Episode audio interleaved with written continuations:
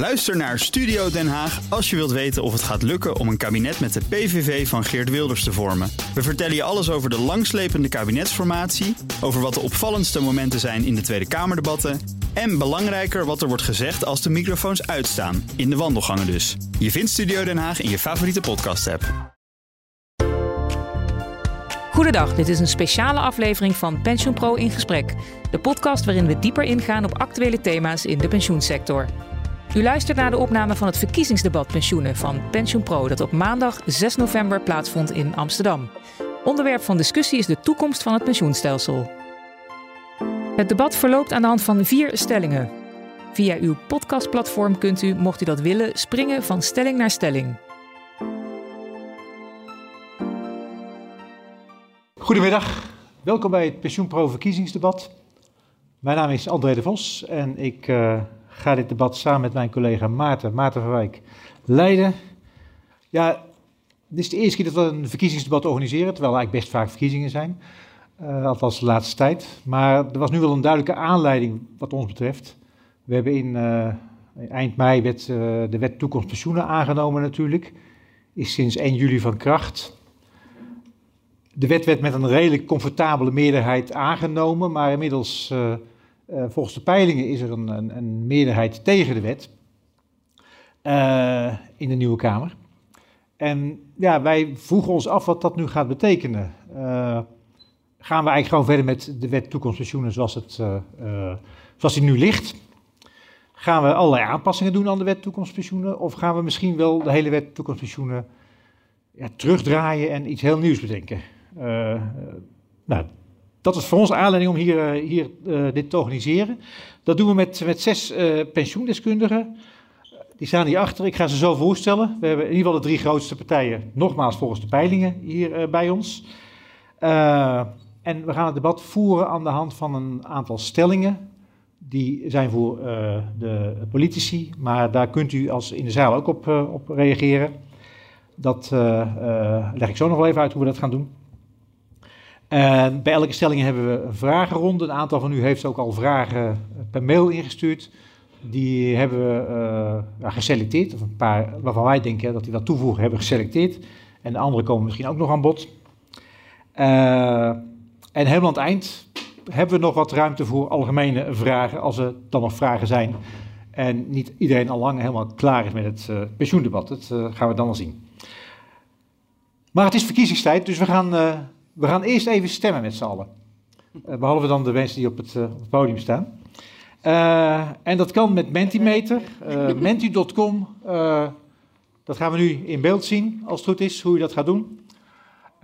u kunt of de QR-code gebruiken of naar Menti.com gaan en die code intikken. Want we zijn erg benieuwd hoe de verhoudingen in de zaal zijn.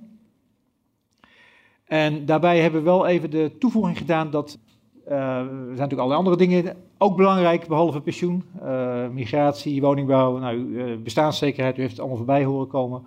En dat gaat nog tot uit en treuren gebeuren de komende weken. Maar dit gaat alleen over het pensioendossier. Dus, ja, u kunt gaan stemmen. En mag ik dan de keuzes... Want uit, uiteraard hebben we alleen een keuze voor de mensen die hier op het podium staan. En de restkeuzes zijn voor de partijen die uh, ofwel voor of tegen de WTP zijn. U moet wel even op submit drukken als u heeft gekozen, want anders, uh, anders pakt, hij hem, uh, pakt hij hem niet. Die moeten we ook meedoen. Dat gaat live mee, dus u kunt, u kunt nog, de underdogs kunt u nog helpen als u wilt. En die kan naar beneden gaan. Precies, hè? nee, ik vind het prima. ik moet zelf even meeschrijven, want de techniek heeft ons niet zo ver gebracht dat we dat straks weer kunnen terughalen, vrees ik. Oké. Okay. Dat is een hele andere. Uh, anders dan Nederland. Heel anders dan we in de peilingen hebben gezien tot nu toe. Ja. Iedereen gestemd? Ik, nou, ik denk dat er meer mensen in de zaal zitten. Maar goed, we doen het hiermee. Dank daarvoor vast. Uh, nog even een andere mededeling vooraf. We nemen dit uh, debat op en we zullen het als podcast uh, op onze site zetten. dat betekent ook wel als u een vraag heeft dat u dan even moet op de microfoon moet wachten, want dan kunnen we die ook opnemen, want anders is het, uh, alleen het antwoord uh, te verstaan. Goed, dan stel ik nu graag de politici aan u voor. En dat zijn Van links naar rechts, eh, niet geheel in willekeurige volgorde. Eh Sebastiaan van den Hout, van eh, landelijk partijbestuurslid van de SP.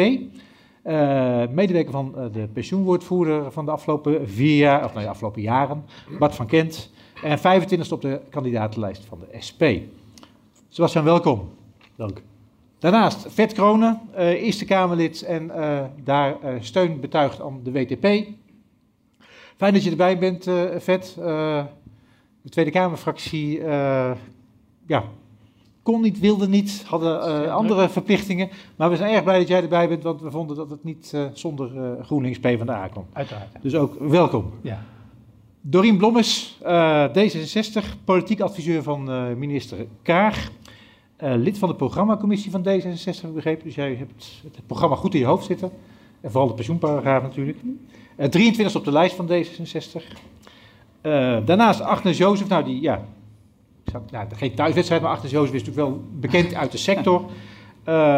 Actuaris bij Achmea Pensioenservices. Tot vorige week bestuurder bij pensioenfonds DNB. Tot 1 november had ik begrepen. Columnist bij Pensioenpro, dus van, in die zin ook bekend. En eh, auteur van vele kritische stukken over de wet toekomstpensioenen, nog voordat je je had verkiesbaar gesteld bij het nieuw sociaal contract. En daar sta je op de achtste plaats. Welkom, Agnes ook. Dank je. Eh Laurens van Vliet, eh, werkzaam bij het ministerie van Onderwijs. Je hebt daar het eh, pensioendossier heel lang gedaan, arbeidsvoorwaarden, met uiteraard eh, pensioen. En eh, zestiende op de kandidatenlijst van BBB. Welkom. En tot slot eh, ook een bekend gezicht voor de sector natuurlijk, eh, Bart Smols eh, uit de commissie Sociale Zaken die over de pensioenen gaat, maar namens de VVD hier. En zelf ook bestuurslid geweest bij het pensioenfonds Medewerkers Apotheken. Heel lang geleden al? Of? Ja, het is wel een jaar of tien minimaal geleden. Dat is al lang geleden. Je bent niet verkiesbaar bij de volgende verkiezing, maar je staat hier uiteraard om te vertellen wat de VVD met pensioenen wil. Ik vermoeden dat u niet het hele eh, programma heeft gelezen van alle, alle partijen. Dus eh, willen wij graag de aanwezige politici kort hun visie laten geven op het eh, pensioendossier. En kort is echt kort, twee minuten. En dat doen we in omgekeerde volgorde van de peilingen. En dat betekent dat Sebastian van den Hout gaat aftrappen. Sebastian, als jij hier wilt staan. Ik zag net, ik had een mooie timer gemaakt, die had ik op 20 minuten gezet. Dan, zijn we, gaat het wel heel erg lang. door. 20 minuten gaan we. Eh, Ga er lekker voor zitten. dus ik zet hem even terug op, eh, op twee minuten. Nou, super. En eh, dan eh, mag jij eh, weergeven wat. eh, even kijken, moet ik maar even twee minuten zetten. Dit was het teken voor halverwege, dat spreken jullie met jullie aan. Dus dit heb, dan heb je nog één minuut. Ja, Ja? perfect. Ja. Nou, ik vond het wel mooi dat eh, nog niet zoveel mensen hier op de SP stemmen. Dan is er wat te winnen. Ehm, waar niet zoveel bij te winnen valt, is natuurlijk het doorzetten van de pensioenwet. Ehm, hij is aangenomen, maar er zijn nog zoveel problemen die eruit voortkomen die niet opgelost zijn of die niet helder zijn. Wat zijn de kosten van het afschaffen van de doorsnee-systematiek? Ehm, hoe gaan we het nou eigenlijk oplossen voor flexwerkers, voor mensen die geen pensioen opbouwen? Eh, het wordt slechter voor jongeren, voor jonge vrouwen. Die worden harder geraakt in, in, eh, als ze geen pensioen opbouwen in hun jonge jaren.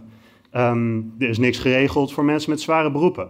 Dat zijn allemaal problemen met deze wet. En waarvan je zegt, jongens, los dat op voordat je hem aanneemt. Voordat je ermee aan de slag gaat. En die problemen zijn niet opgelost. En daarom zeggen we van ja, dat is niet goed. Dat moeten we anders gaan aanpakken. Eh, en een paar van de dingen die wij belangrijk daarbij vinden zijn zeggenschap voor de mensen waarover dit gaat, voor de mensen wiens pensioen dit eigenlijk is. Ehm, eh, eh, het, een stop op de, de topinkomens, de, de, de hoge eh, premies voor het beheer van het pensioen. En. Oh, halverwege, kijk. Ja, ja, ja, ja. Nou, kan ik nog even doorpraten. Ehm, en natuurlijk, eh, wat ontzettend belangrijk is, een, een beter pensioen. S- Kijken van hoe kunnen we zorgen dat er op de lange termijn eh, eh, genoeg pensioenen zijn, maar dat we ook eerlijk indexeren. En we hebben pensioenpotten die overvol zitten. We sparen ontzettend veel. Ehm, maar dat heeft niet alleen maar positieve effecten en we pakken het op dit moment niet handig aan. Dus laten we kijken, dat zou ons voorstel zijn, om terug te gaan kijken, wat zijn die rekenregels nou? Want in feite komt het daar allemaal op neer, die manier waarop we omgaan met de rekenregels. Eh, en daarvoor hadden we niet het hele systeem op de schop hoeven gooien. Dus dat is eh, waar we als SP voor staan. Perfect, dankjewel. Sebastian. Eh Dorien, Dorien Blommers is eh, de volgende spreekster namens D66. Je tijd gaat Ja. nu in. Ja. Goedemiddag. Allereerst, dankjewel voor de uitnodiging. Want ik ben heel blij dat we het ook over pensioen apart hebben. En zelfs dat de zaal, ik zat vorige week bij een debat over zeehavens, niet alleen maar uit 50-plus mannen bestaat, maar intussen ook wel al iets diverser is. D66 heeft als belangrijkste punt, en dat is denk ik ook wel heel erg logisch, het gewoon zorgvuldig implementeren van de WTP. Dus ook in ons programma zal u zien dat dat de allergrootste focus is en dat de andere dingen die we wensen veel kleiner van aard zijn. Welke dingen zouden we dan vervolgens nog wel meer willen? Nou, dat gaat bijvoorbeeld over diversiteit bij pensioenfondsbesturen, dat beter verankeren. Dat gaat ook over meer zeggenschap of meer inspraak bij eh, beleggingen. Dus waar je precies in belegt, daar is ook net een initiatiefwet voor ingediend. Door een meneer die daar helemaal achterin zit, volgens mij. Dennis, steek je handje op. En de derde is dat we uiteindelijk, als de WTP goed geïmplementeerd is, ook eigenlijk nog verder zouden willen kijken naar keuzevrijheid. En dat gaat bijvoorbeeld om een oud punt van D66, maar over dat als je misschien een premie voor zou kunnen opnemen. Maar nogmaals, in het grotere geheel zijn dit de kleine dingen. De hoofdfocus is gewoon die WTP goed invoeren. Dankjewel. Dankjewel, Doreen. Dankjewel, Doreen. Jij mag even een applausje voor, hè? Ja, zeker. Dan de volgende spreker, eh Laurens, Laurens van Vliet, BBB. Ja, hallo. Ja, op BBB stemde net helemaal niemand. Dus wat dat betreft heb ik nog het meeste te winnen van iedereen. Eh, dames en heren, ja, voor, voor hier in de zaal geldt dat waarschijnlijk niet, maar, eh, eh, of in ieder geval een stuk minder. Maar voor de meeste mensen is pensioen een ontzettend ingewikkeld onderwerp. En zelfs voor iemand als ikzelf, die jarenlang pensioenadvies heeft gegeven op het ministerie, is zo'n wet als de WTP echt nog behoorlijk eh, ingewikkeld om alle gevolgen daarvan te overzien. En voor een groot gedeelte hangt dat, wat mij betreft, samen met het feit dat we gewoon de toekomst niet kunnen voorspellen. We gaan waarschijnlijk pas over jaren zien wat uiteindelijk de keuzes in het pensioenbeleid nu hebben opgeleverd en welke keuzes het beste waren geweest. Maar zoals wij bij BBB geneigd zijn te zeggen, dat is de koe in de kont kijken. En daarvoor is het eh, pensioen als arbeidsvoorwaarde gewoon veel te belangrijk. Ehm, eh, voor miljoenen mensen, deelnemers, maar ook eh, ehm, eh, nabestaanden is het een van de belangrijkste inkomensbronnen. Dat weten we allemaal om eh, op een gegeven moment in, eh, in het bestaans eh, te kunnen voorzien, de bestaansbron te kunnen voorzien. Eh, nou, dat er aan het bestaande stelsel eh, verbeteringen mogelijk zijn, ja, daar staan wij 100% achter. Waar wij alleen niet achter staan, is dat we overgaan op perso- persoonlijke pensioenpotjes, waarvan ook nog eens een keer het pensioenresultaat flink kan fluctueren eh, aan de hand van beleggingsresultaten. Ehm, eh, en wat er nog eens bij komt, is dat wij grote twijfels hebben over of die transitie naar het nieuwe stelsel wel goed zal verlopen. Ehm, eh, voor BBB is de keuze of de overgang naar een nieuw pensioenstelsel überhaupt een wenselijke is, daarom vooral afhankelijk van de vraag of het pakket in zijn totaliteit een verbetering betreft. En dat is iets wat wij niet zien.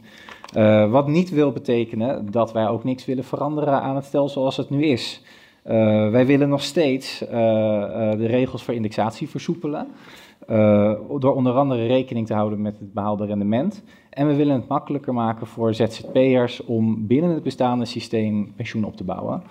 En ja, wat de BBB betreft mogen we nog altijd trots zijn op het Nederlandse stelsel dat niet voor niks tot het beste van de wereld behoort. Oké, dankjewel.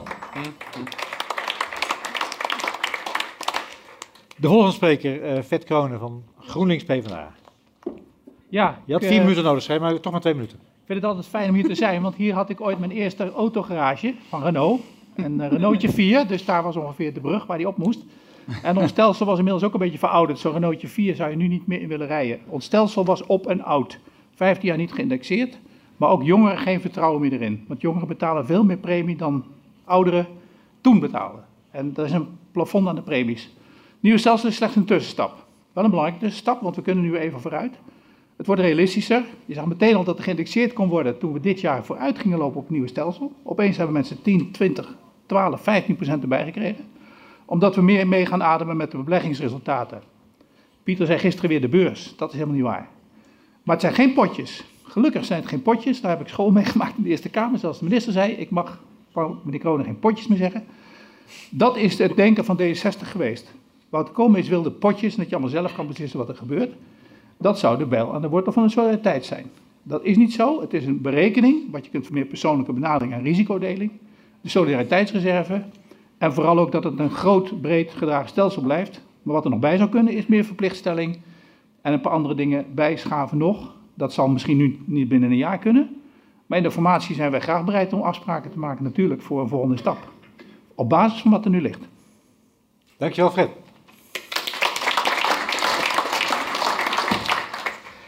Uh, Bart Smals, VVD. Ja. jullie stonden net achter de laatste peiling. Dus ja, bent, nee, uh, ik ja. Zag, ja, ik zag het ook. Ja. ja. Nou, uh, nou, ik vind het ontzettend leuk om hier te staan, moet ik zeggen. ook al wat je net zei, dat ik niet terugkom op de volgende lijst. Maar het pensioendossier is voor mij wel een van de redenen om te blijven in de politiek. Want wat er zo leuk aan was, vind ik echt, en heel veel van jullie hebben het denk ik ook gevolgd, dat we eindeloos gediscussieerd hebben over een wet om die beter te maken. En wat ik het mooie vond, is dat we ook, dat ik het gevoel in ieder geval had dat iedereen die zich met het dossier bemoeide, en zelfs aan die kant van de tafel staan er een paar die zich daarmee bemoeiden, um, om het beter te maken en gezamenlijk tot iets te komen waarvan we zeggen van, nou ja, daar, heb, daar hebben we als Nederland wat aan. En daar kunnen we mee verder. Want het oude stelsel is onhoudbaar, daar was iedereen het over eens, gepensioneerden, maar ook bestuurders. Uh, maar ja, wat is, wat is dan beter? Nou, en er is niet iets uitgekomen wat een VVD-pensioenstelsel uh, is, zal ik direct zeggen. Maar er is wel iets uitgekomen, en dat is dan een antwoord op uh, misschien wel een vraag van BBB. Dit is een stelsel wat al beter is dan het huidige stelsel. En om dit voor te bereiden heb ik even mijn spreektekst van de WTP erbij gepakt. Hmm. En daar heb ik gezegd, wat we behouden in het nieuwe stelsel is solidariteit, verplichtstellingen en gezamenlijk de kosten dragen, waardoor het goedkoop blijft. Dat blijft ook in het nieuwe stelsel. En wat we verbeteren is meer inzicht. Het is een persoonlijker pensioen. Het wordt gemoderniseerd. Hè, dan heb ik het over de uh, afschaffing van de doorsneepremie. En het geeft betere uitkomsten. Dus wat ons betreft gaan we gewoon vol door met het invoeren van de WTP. Natuurlijk zijn er nog heel veel, zal de reparatiewetgeving nodig zijn om uh, hier en daar uh, nog te verbeteren. En als laatste een hele grote wens, die heeft hier niks mee te maken, maar toch een hele grote wens, om die wetbedrag ineens ook zo snel mogelijk door de Kamer te halen. Oké. Okay. Dankjewel. Dankjewel.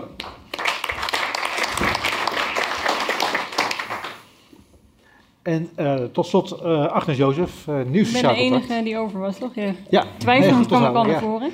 Ja, dat...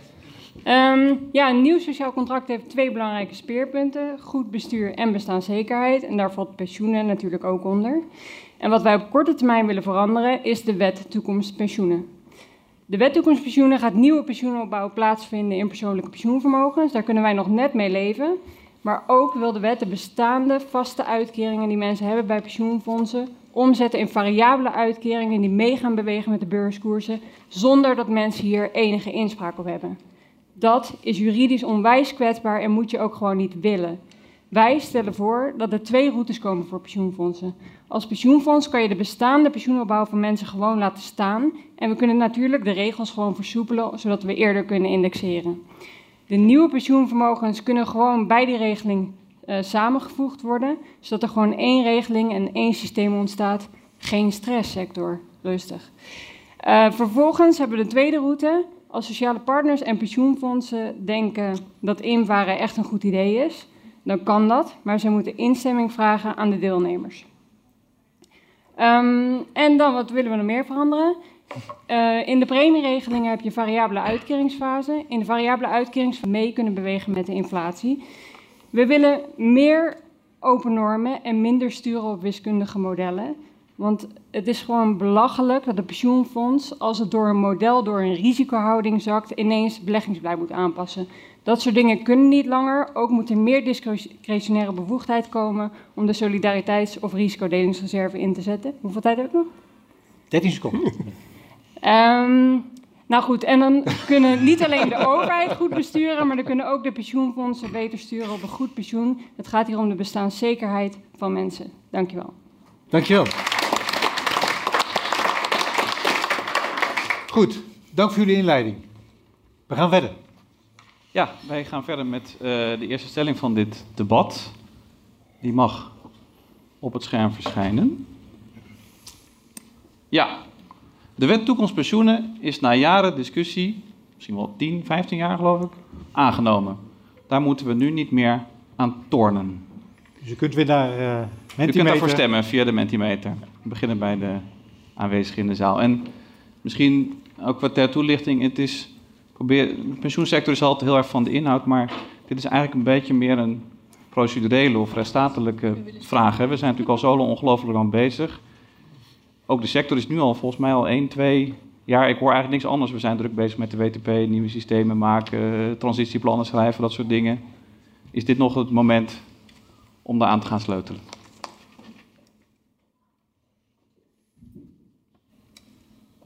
Tweederde meerderheid. Betekenisvol. Oké, dan uh, kunnen we naar de politici. Agnes, ik wilde misschien bij jou beginnen, bij deze stelling. Ik krijg net nieuwe energie. ja, je krijgt... Nee. Oh, de batterij Oh, hij doet het weer. Ah ja, gelukkig. Nou, net op Eh, tijd.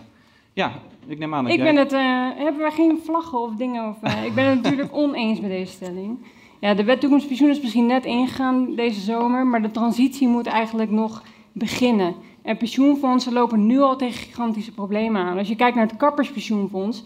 Het, het kapperspensioenfonds stond op het punt dat ze per 1 januari 2024 gewoon helemaal geen regeling meer hadden voor de kappers. Omdat die wet gewoon niet goed in elkaar zat.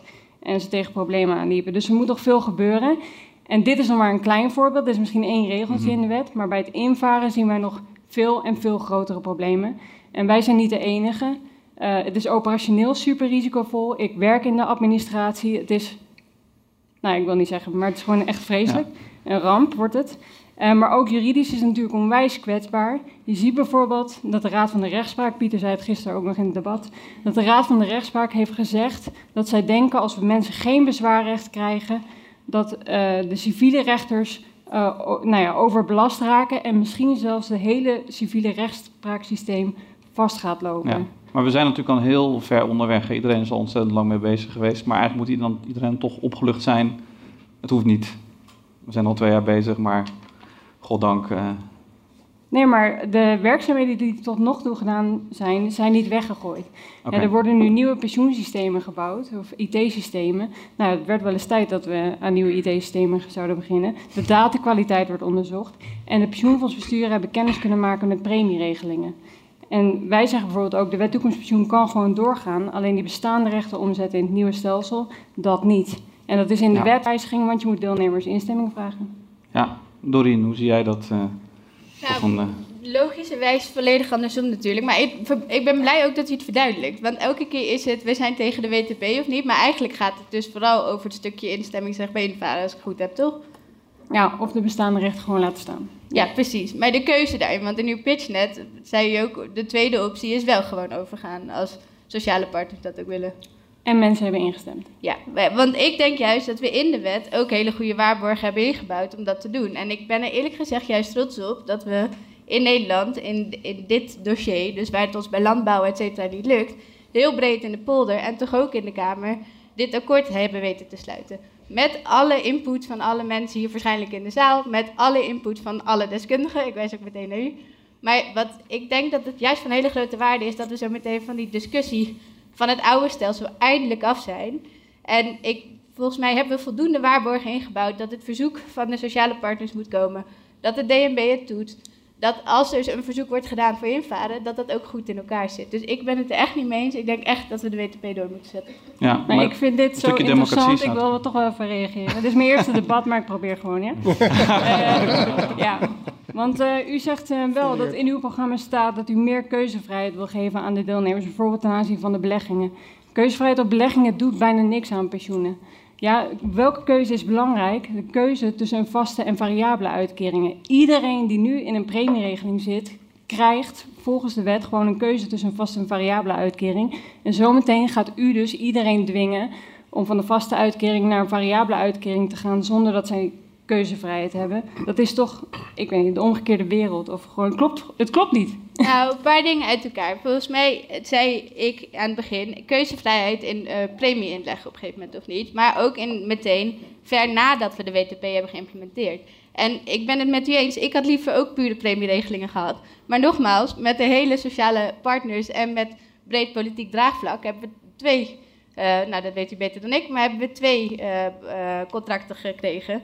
En ik kan me er goed bij voorstellen dat we die allebei behouden. Dus ja, in uw stukken lees ik ook, uiteindelijk liever iedereen gewoon in de premieregeling. Maar ik vind de solidariteit in het solidaire contract ook genoeg waard. We komen nog De- even terug op het onderwerp eh, van de keuzevrijheid eh, en ook eh, die shoprechten waar je het over had. Het is de, eh, nu misschien even een beetje eh, ja, de vraag van, gaan we hier nog, moet je überhaupt hier aan beginnen, zal ik maar zeggen. Dat is misschien eentje voor, eh, voor uh, Vert ook. eh, wat. Ja, graag. Ehm, het kabinet is onverwacht gevallen. Anders hadden we deze discussie niet gehad.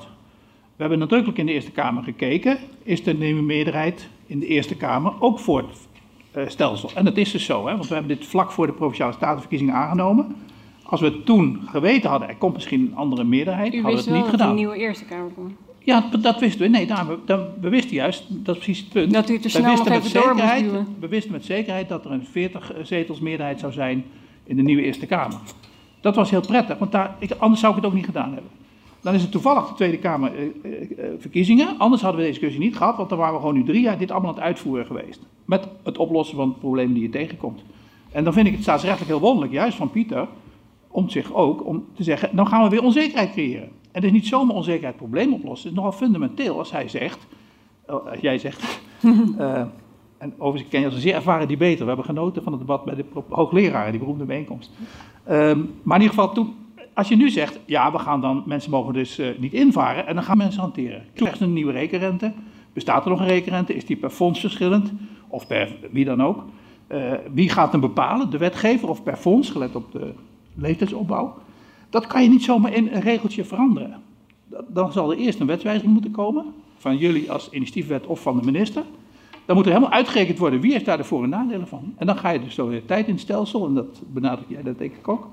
Dan benadruk je weer individualisering, wat Koolmees gelukkig verloren heeft. En dan gooi je weg de solidariteit. Want we weten allemaal, of je nou privaatverzekeraar bent of sociale verzekeraar, fonds, hoe breder de groep, hoe makkelijker de risico's gespreid kunnen worden, zowel naar leeftijd als tussen rijk en arm. Dus dat gaat nooit zomaar even een regeltje worden van we gaan Ja. even het invaren onmogelijk had alles maken. weer Of, of open. een eigenlijk. open, ja, als je, Ja, als, je het in, als je mensen een eigen keuze geeft, dan hoor je per definitie de solidariteit uit. Ja. En dan zeg je van, ja, mensen moeten gaan kiezen tussen vast of eh, variabel. Dat is natuurlijk nu ook al zo, maar dat is voor 10% van de mensen. 9% van de mensen wil dat helemaal niet. Uit alle onderzoeken blijkt, burgers kiezen dan allemaal Een vast 90% voor een vast contract. Omdat ze niet aandurven, dat is de risicoaverse gedrag van iedereen van ons. Eh, ze denken Ja. allemaal, nou laat ik maar vast doen, want dat is veiliger dan Nee. een eventueel risico naar beneden. Keuzevrijheid is eh, lastig. Dus ik ben voor eh, we ook keuzevrijheid, maar niet terug, om ja, daar- maar- het, het, het stelsel fundamenteel op keuzevrijheid te baseren. Ja. Daar heb je agenten voor nodig in de markt, in dit geval vakbonden werkgevers. Bart, heb je ook het gevoel dat, dat je alles weer overhoop haalt, zeg maar, met zo'n wijziging als... eh, Ja, absoluut. Kijk, het, het is natuurlijk niet dat we... eh, wanneer zijn we begonnen? Twee jaar geleden met de BTP, eh, anderhalf jaar geleden. En toen de Eerste Kamer nog... Daarvoor hebben we natuurlijk ook al een historie van 15 jaar ongeveer aan, aan debat over hoe moeten we ons stelsel inrichten. Dus waar, ik, net ook over had, ehm, wat ik zo mooi vind, is dat het dus toch gelukt is met z'n allen, met z'n allen en niet alleen VVD'ers, maar zelfs, zelfs PvdA GroenLinks en de VVD samen tot een, tot een akkoord zijn gekomen. Om even de uiterste te noemen, eh, helaas de SP niet, maar eh, om de uiterste te noemen, eh, die tot een akkoord zijn gekomen, wat, wat dus breed gedragen is. En in de stemmingen is dat ook gebleken. Ik zou het doodzonde vinden om dat weg te gooien. Plus dan nog eens gewoon de, de, de argumenten die, die, eh, die materieel zijn. Namelijk, op het moment dat we dat zouden doen, en dat is eigenlijk wat Vert ook precies zegt, als je dat nu begint, dan begin je eigenlijk de hele dis- discussie opnieuw. Je gooit de solidariteit weg tussen de generaties, want, je, want dat, dat verdwijnt dus. Hè? Iedereen die invaart en niet invaart heeft, eh, wordt uit elkaar gezet. Maar je begint ook een heel nieuw proces waar je niet weet daar te eindigen. En eh, ik denk dat dat de sector aandoen echt nog veel erger is Hij dan... zegt dus eh, eh, niet aan rommelen, maar dan ook geen carve-out, toch? Dat is ook iets wat jij nog wel eh, Ja. de wensenlijst de had. carve-out. Jawel, nou ja, kijk, de carve Kijk, we hebben in de, in de behandeling van de WTP hebben we zeer uitgebreid gedaan. Eh, daar hebben we het ook over de carve-out gehad. Ik heb een motie eh, ingediend over die carve-out, waarin ik gezegd heb, nou, onderzoek nou of dat daadwerkelijk voor sommige groepen echt een daadwerkelijk beter resultaat oplevert. Nou, dan moet dat kunnen. Ik vind het ook prima. Eh, we hebben ook een discussie gehad trouwens. Volgens mij heeft Omtzigt destijds in de WTP-debat ook een amendement ingediend over het collectief instemmingsrecht. Dat is afgestemd. Kijk, en dat is nu de situatie van waar we verder moeten gaan. En ik vind, het ik vind het bestuurlijk onbehoorlijk als je nu plotseling dingen weer overhoop gaat halen. Zeker zoiets wat al zo lang loopt. En volgens mij, nou ja, ja, volgens mij hebben we er lang genoeg over gepraat en moeten we nu uh, stappen zetten. En wat ik, wat ik ook zei, hè, dat amendement, het kapperspensioenfonds.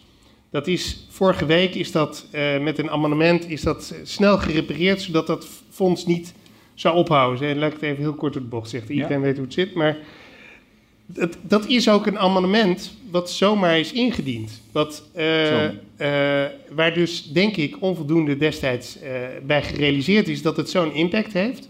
Daar moesten we het oplossen.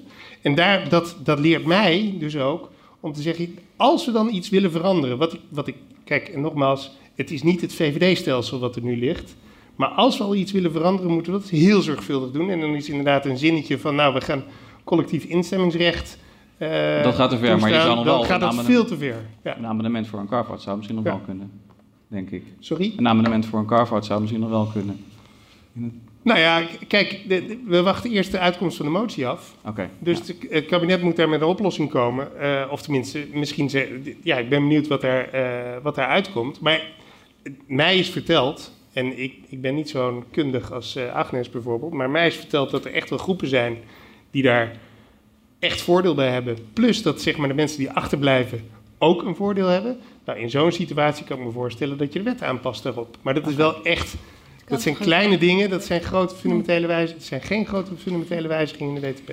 Ga even naar Laurens. Ja, ten, tenzij oh, ja. dat een risicoselectie in verborgen zit. Daar wil ik een hele goede. Eens. Terecht dat nee. jij die vraag hebt gesteld via motie, maar niet zomaar even een abonnementje. Want dan hadden we nu misschien met de gebakken peren gezeten. Eens, helemaal okay. eens. En daar vind ik ook, Agnes is wel eerlijk. Ze zegt gewoon: nee, ik wil een carve-out, maar dan ook soepele regels. Welke dan? Welke soepele regels? Want gaat dan een bepaalde groep mensen die nu in het stelsel zit. Deze vraag gaat meer. Die, die gaan we zo ja, nooit uit. Ja, ja. We lopen voor op het schema. Volgens mij gaan we even. Wel tornen, maar zorgvuldig tornen. Oh, dus, dat maar is wel, oh. Begin Laurens even, ja. want uh, wat, uh, ja, wat nou hoor ja, jij, zou jij... Uh, als ik naar de voorstanders van de WTP luister, die, die, die wekken de indruk eigenlijk van, nou de discussie was eigenlijk al beslecht, waarom raken we hem opnieuw op? Als we dat nu niet doen, dan kunnen we gewoon door en dat was het dan. Terwijl ik zelf denk dat juist door wel door te gaan met de WTP, de discussie nooit klaar is. Want je gaat aan de ene kant te maken krijgen met nog allerlei problemen in de uitvoering, zoals mijn buurvrouw al, al aangaf. Dus die discussie blijft lopen. En hoe groter de problemen zijn, hoe groter de kritiek zal zijn van waarom doen we dit op deze manier. En daarnaast kijken wij ook naar wat willen nou uiteindelijk de mensen? Wat voor pensioen willen mensen? Wat voor, via wat voor pensioenregeling willen zij, willen zij opbouwen? En, uh, en is dat uiteindelijk ook realiseerbaar? Nou, en wij komen tot de conclusie dat de oude uitkeringsovereenkomst gewoon is wat de meeste mensen het liefste hebben. En wij denken wel degelijk dat het nog prima mogelijk is om op die voet door te gaan en niet over te gaan naar een systeem waarbij je zo afhankelijk wordt van de ontwikkelingen op de beurzen. Maar dan zeg je dus eigenlijk van de wet niet aanpassen, maar gewoon ja, wij hebben, ook, wij hebben ook in ons verkiezingsprogramma staan, we draaien de invoering van de ja, WTP ja, Dus de aanpassing van... Uh, en dat zit hem juist op de fundamentele punten en niet ja. zozeer van zitten er nog rafelrandjes aan, maar nee, wij willen het echt op een andere manier. Als nou zo'n voorstel van, van NSC uh, er zou komen, zou je dan misschien wel... Uh... Nou ja, goed, je gaat natuurlijk kijken van wat ligt er op tafel en wat is je uitgangssituatie. Kijk, wij gaan nadrukkelijk een stap verder in, in waar wij naartoe willen. En nogmaals, het is niet de bedoeling dat alles dan bij het oude blijft. Het is ook zeker niet zo dat we dan weer tien jaar lang gaan praten van hoe het, hoe het dan moet. Er is al ontzettend veel gesprekken gevoerd. Er ligt al heel veel op tafel. Wat ons betreft kan het daarna veel sneller. Uh, maar goed, als, uh, uh, hè, als dat zeg maar het hoogst haalbare is, meer instemmingsrecht voor de deelnemers, of het nou individueel is of, of collectief, okay. ja, dan zijn we daar natuurlijk voor. Maar wat ons mooi. betreft is dat ja. niet voldoende. Ja. Sebastian, is dat ook voldoende voor de SP? En we zijn als SP heel veel het land in geweest, we hebben heel veel met mensen gepraat. En elke keer kwam dit terug, dat mensen gewoon een zeker pensioen willen. Uh, en dat ze eigenlijk het oude stelsel in principe uh, goed vinden, maar hè, als we kijken naar die rekenregels. En je noemde het ook, van als elk opinieonderzoek, uh, dat naar voren, komt dat ook naar voren, dat mensen daar helemaal niet zitten te wachten op al die veranderingen. En dan vind ik het wel interessant als we naar het proces kijken, want er wordt al een paar keer gezegd, hè, het duurde heel lang, we hebben er heel veel over gepraat en het is een paar keer ook geklapt en moesten ze een soort van opnieuw beginnen. Um, en dat is dan een argument. Dat is dan een argument om te zeggen, nou, we gaan, niet, uh, we gaan het niet terugdraaien of we gaan er niet meer naar kijken. En dat, dat vind ik dus best wel een probleem. Als je kijkt dat het vertrouwen in de politiek afneemt, dat je ziet dat mensen, heel veel instituties gewoon denken van ja, ben je er wel voor mij? En ondertussen hebben we hier uh, een wet ja, door wat kamers geloodst, terwijl uh, de bevolking er nooit over heeft kunnen stemmen. Hm, Die heeft nooit kunnen laten weten wat ze er nou van vinden. Terwijl als je, zoals ik net al zei, met ze spreekt, dan zie je dat mensen hier eigenlijk helemaal niet op zitten te We wachten. willen een referendum over de WTP. Absoluut. Oké. En daar hebben we ook een eh, amendement voor ingediend tijdens de behandeling. Ah ja, ja. Goed idee. Ik wil daar toch ook nog wel even op aanhaken. Want ik merk hier, we zitten hier met de pensioensector, zeg maar. Misschien is er nu wat onzekerheid op jullie tafel ontstaan. Maar de onzekerheid bij de mensen thuis, die was er al. Die is er met de wet toekomst pensioen. Ze hebben geen idee waar hun pensioen naartoe gaat. En ze zitten misschien helemaal niet te wachten op variabele uitkeringen. En het is niet alleen het risico dat die uitkering ineens naar beneden kan van het ene op het andere jaar. Het is ook het risico dat de uitkering ineens ontzettend omhoog kan. Ik heb een collega gesproken, die is mantelzorger. En die zat zoiets van, wat moet ik voor mijn vader nou doen? Een vaste of variabele uitkering. En zij moet allerlei dingen regelen, formulieren voor de zorg, voor de belastingen. En zij had zoiets van, ja, als de pensioen in één keer 10% omhoog klapt, dan mag ik weer die hele papieren romslomp door. En misschien verlies ik toeslagen, misschien eh, moet ik bijdragen aan de WLZ of de WMO, wat er ook nodig is. Er zijn veel meer, als je dieper bij de mensen thuis kijkt, er spelen er veel meer elementen dan simpel een economisch sommetje dat iedereen beter af is in verwachting als je de zekerheid loslaat. Maar nu hebben, dat- dat is het argument van de, de partijen die hebben voorgestemd. We hebben deze discussie natuurlijk al, alles is al voorbij gekomen. En als dit dan het maximaal haalbare blijkt bij de sociale partners, ja, wat heeft het dan voor zin om daar weer Maar ik wil daar keren? toch iets op zeggen. Want volgens mij is het hoofdargument in mijn geval absoluut niet... we hebben het er al zo lang over gehad, dus laat maar zitten. Het is vooral waar we naartoe terug zouden keren... is in mijn ogen iets wat totaal niet werkte en al jaren niet. Dus daar zit wel echt ook een inhoudelijk argument... dat ik zeg, terugkeren kan eigenlijk niet meer op een fatsoenlijke manier. En dan kan je zeggen, mensen willen dat...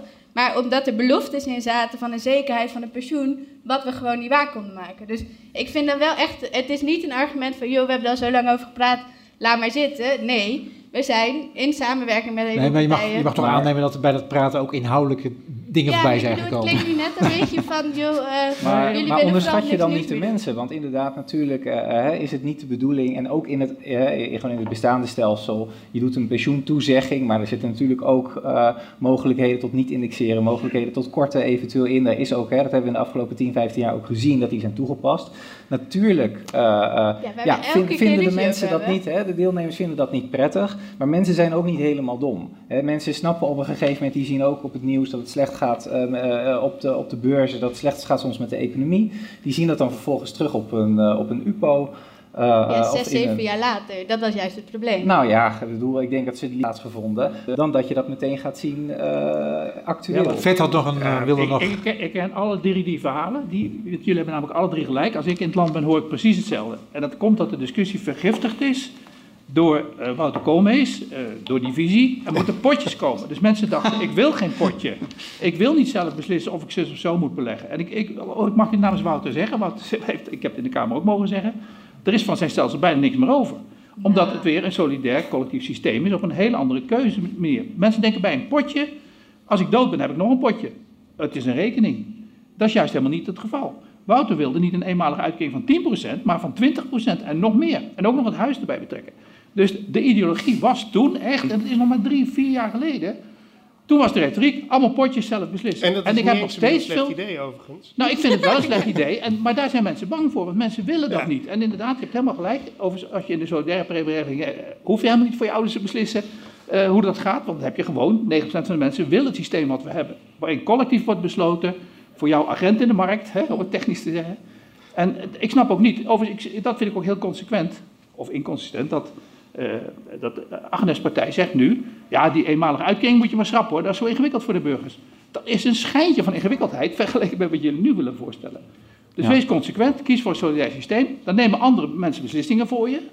Dat is iets paternalistisch, maar alle economen weten, mensen kunnen lange termijn Ja, inschattingen niet denk- zelf maken. Wat ik denk dat in de discussie ook meespeelt, is het, het wordt heel erg gepolariseerd. Alsof, Ja. alsof we straks in het, in het flexibele contract of in het solidaire contract, maakt niet uit, dat dan plotseling die uitkeringen ontzettend op en neer gaan. Ja. Nou, dat is natuurlijk helemaal niet zo. Alle plaatjes laten zien dat dat helemaal niet zo is.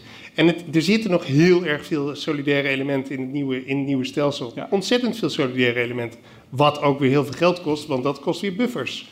En dat is nou het meest solidaire is dat als jij doodgaat, je niks meer krijgt.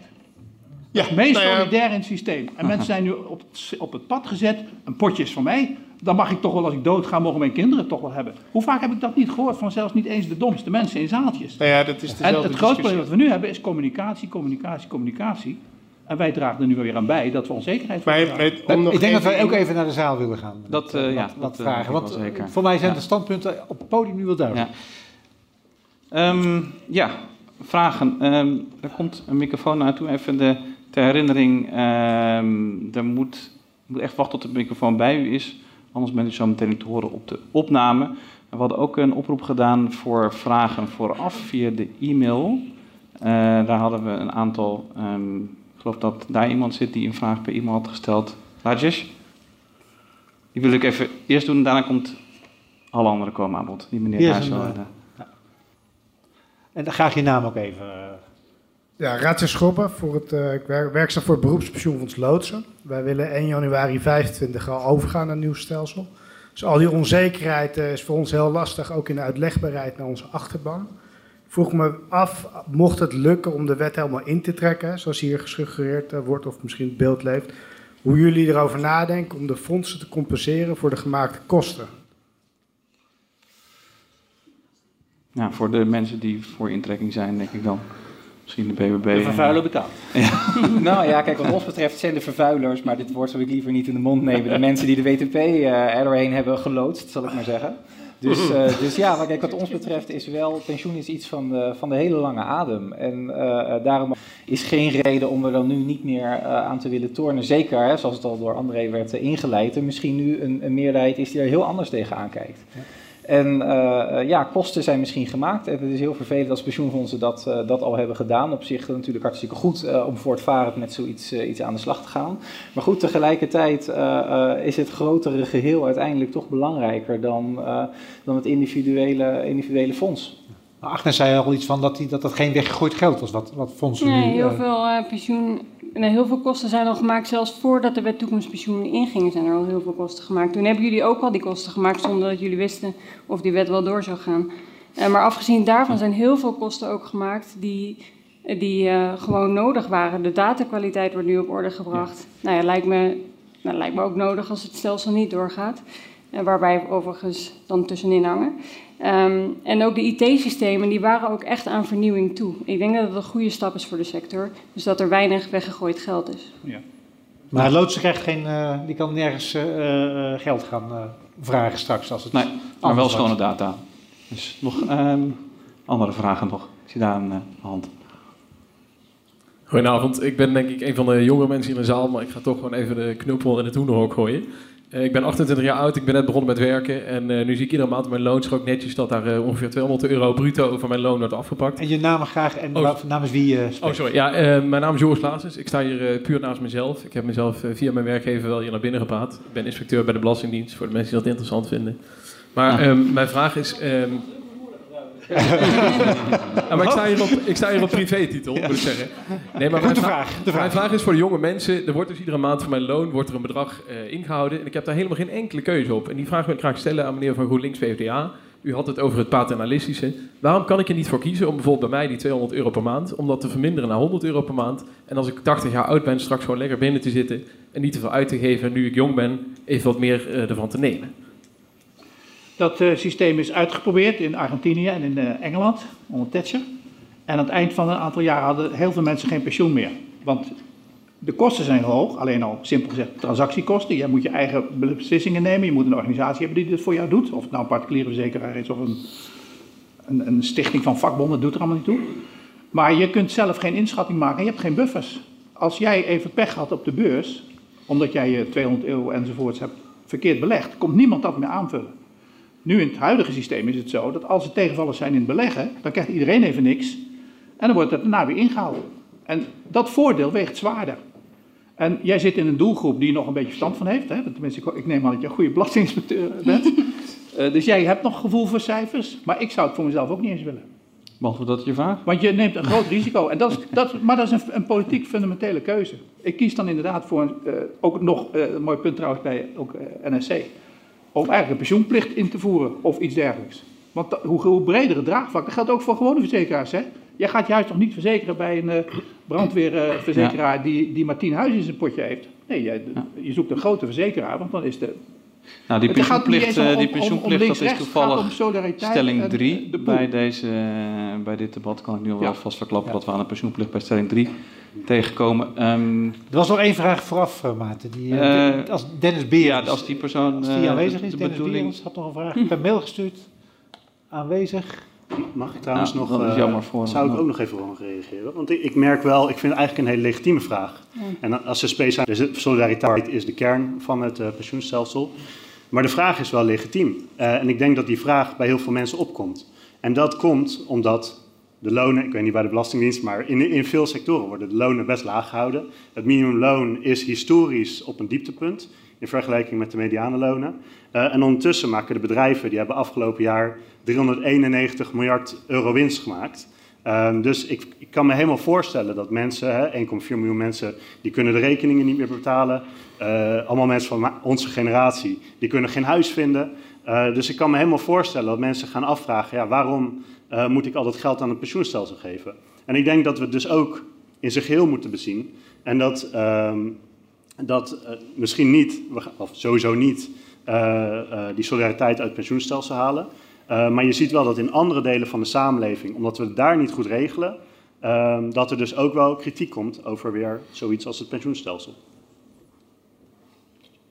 Ik, wou, ik wilde die vraag toch... wel- Dennis Beers is er dus blijkbaar niet, maar we hadden zijn vraag niet voor niks uh, geselecteerd. Eh, en eh, dat kwam een beetje, dat kwam op het laatst net in de dis- discussie terug. Is die, die, die WTP, ik zal het even eh, anders formuleren dan hij deed, maar is die WTP niet ongelooflijk eh, beroerd gecommuniceerd, wat dat nu eigenlijk is? Ja, eh, eh, Vert, je zei al, eh, de, de potjes. eh, Is, je kan je afvragen, is, wordt pensioen niet ongelooflijk slecht gecommuniceerd? Überhaupt, hè? als je kijkt naar de pensioenbewustzijn van mensen überhaupt, is veel te laag. Eh, dus ehm, de- ja, de WTP had veel beter gecommuniceerd kunnen worden, maar ik denk dat dat ook een, een probleem was in, in het oude stelsel, of is in het oude stelsel. En dat we dat sowieso eh, een uitdaging is voor de- zowel de overheid als de sector om dat beter te doen mijn hoop en mijn, mijn, eh, een van de redenen waarom ik, waarom ik voor de WTP was destijds en nog steeds ben, is omdat, omdat je het meer individueel maakt. Ik mag geen potjes meer zeggen hoor ik van Vert, maar.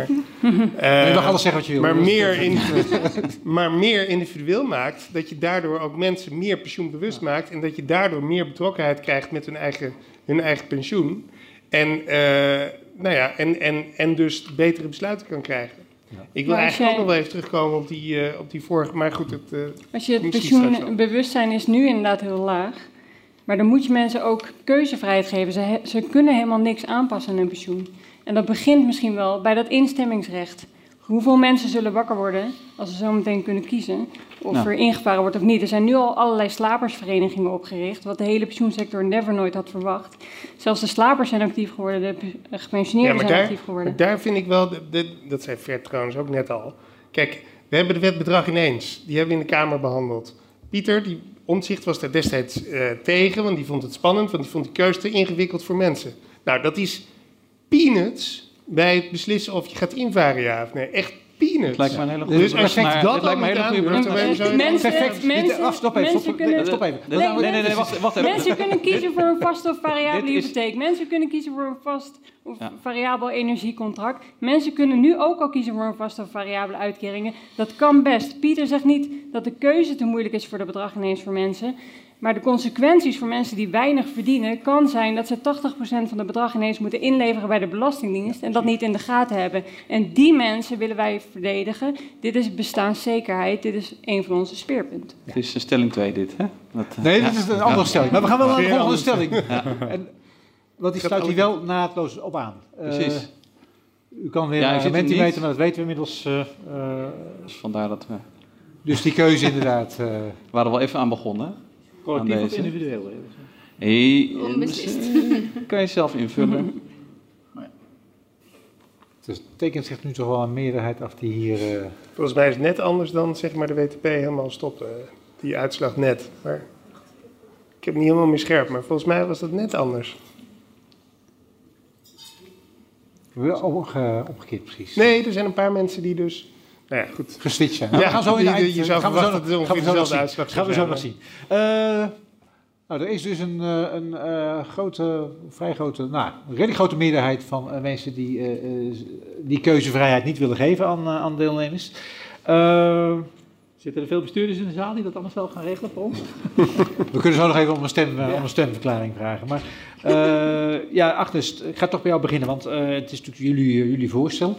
Eh, daar willen jullie van af van dat verplichte invaren. En, en ja, de sociale partners eh, willen juist dat, die hele pot bij elkaar houden. Omdat je dan, ja, er is recent weer het een en ander over geschreven. Ja, dan kun je gewoon ook eh, dat, dat, die solidariteit beter vormgeven. Je kunt nog wat meer risico nemen.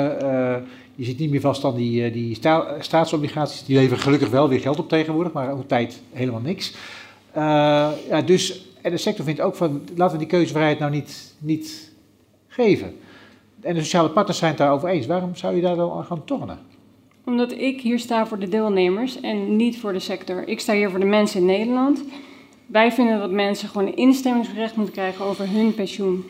En er is geen land... Maar staat de, sec- staat de in de- sector er niet voor de deelnemers dan? Dat zeggen ze altijd wel. Eh, blijkbaar niet. ik denk van niet. Ik denk dat het gewoon belangrijk is dat mensen kunnen instemmen met invaren. En wat ik zeg, ik heb gezegd van wij schetsen twee routes. Eentje dat je de bestaande rechten laat staan en wel makkelijker kan indexeren. Eh, maar wij hebben het daarover een soort zogenaamd toegroeimodel. Ik heb daar in 2015 al in Pension Pro over gepubliceerd. Ik heb daar in 2022 in Pension Pro over gepubliceerd. En na de verkiezingen heb ik een artikel in de actuaris hierover hoe je dat heel efficiënt kan inrichten, waarbij je gewoon risico's kan delen. De nieuwe pensioenopbouw kan je gewoon in persoonlijke pensioenvermogens doen. Eh, maar je moet nu bijvoorbeeld ook in de wet toekomstpensioen de bestaande, nabestaande pensioenen, die moet je eerbiedigen, die moet je laten staan. Nou, die kunnen gewoon in het collectief van uitkeringen mee blijven lopen wat er is. Je kan eh, de nabestaande pensioenen op risicobasis gewoon mee laten doen met het collectief, arbeidsongeschiktheidspensioen mee laten doen met het collectief. En als er wat tijd verstreken is, dan heb je gewoon persoonlijke pensioenvermogens in de opbouwfase en uitkering collectief in de uitkeringsfase. En dan heb je gewoon de wet toekomstpensioen bereikt zonder heel veel moeite. Ja. Dus dat is ook gewoon een goed model. En je moet deelnemers, kan je daar best inspraak in geven. Als wij nu een collectieve waardeoverdracht uitvoeren, dan krijgt iedere persoonlijke deelnemer individueel instemmingsrecht. Nu kunnen wij dat ook. Ja? Het is niet iets nieuws of zo. Dit kan gewoon. Doe niet Kan zo moeilijk. ja. Maar misschien even voor de, helemaal voor de helft van die, die tweede route. Hè? Eh, dat is ook een vraag die veel leeft van hoe zou je dat nou precies vormgeven? Het is een collectief instemmingsrecht met een vorm van een referendum. Of, nou, kan je even uit de doeken doen hoe dat dan exact Ja, wij zien nu verlopen? een eh, collectieve instemmingsrecht voor ons. Ja. Dat moet zijn, zeg 60%, 66%. Ja. Bijvoorbeeld ook als pensioenfondsen naar België willen en gewoon dezelfde regeling willen behouden, eh, dan krijgen ze ook een collectief instemmingsrecht. Terwijl de regeling dan gewoon hetzelfde blijft. Deze beweging die we nu een maken minimale opkomst is of zo bijvoorbeeld? veel spannender. Ja, dus, dus een, eh, in een meerderheid die instemt en dan kan je eventueel invaren. En ik zie ook voorbeelden in de markt. Ik zag bijvoorbeeld het E.ON pensioenfonds. E.ON pensioenfonds wilde hun pensioenen gewoon zoals ze waren omzetten naar een algemeen pensioenfonds. En de deelnemers gingen, wilden gewoon een rechtszaak starten, want die wilden dat niet. Die wilden liever een verzekerde regeling. En wat heeft het pensioenfonds toen gedaan? Zij hebben toen de keuze gegeven aan de deelnemers. En minder dan 7% is naar de verzekerde regeling gegaan en de rest ging gewoon met het pensioenfonds mee. De pensioensector hoeft ook niet zo bang te zijn voor het instemmingsrecht. Ik snap de weerstand hier niet. Zou je een minimale opkomst willen? Drem, op, opkomstdrempel? Dat minimaal 10% of 20% Ik denk, van de mensen Misschien moet er een minimale opkomstdrempel bij. Dat wil ik afstemmen met juristen.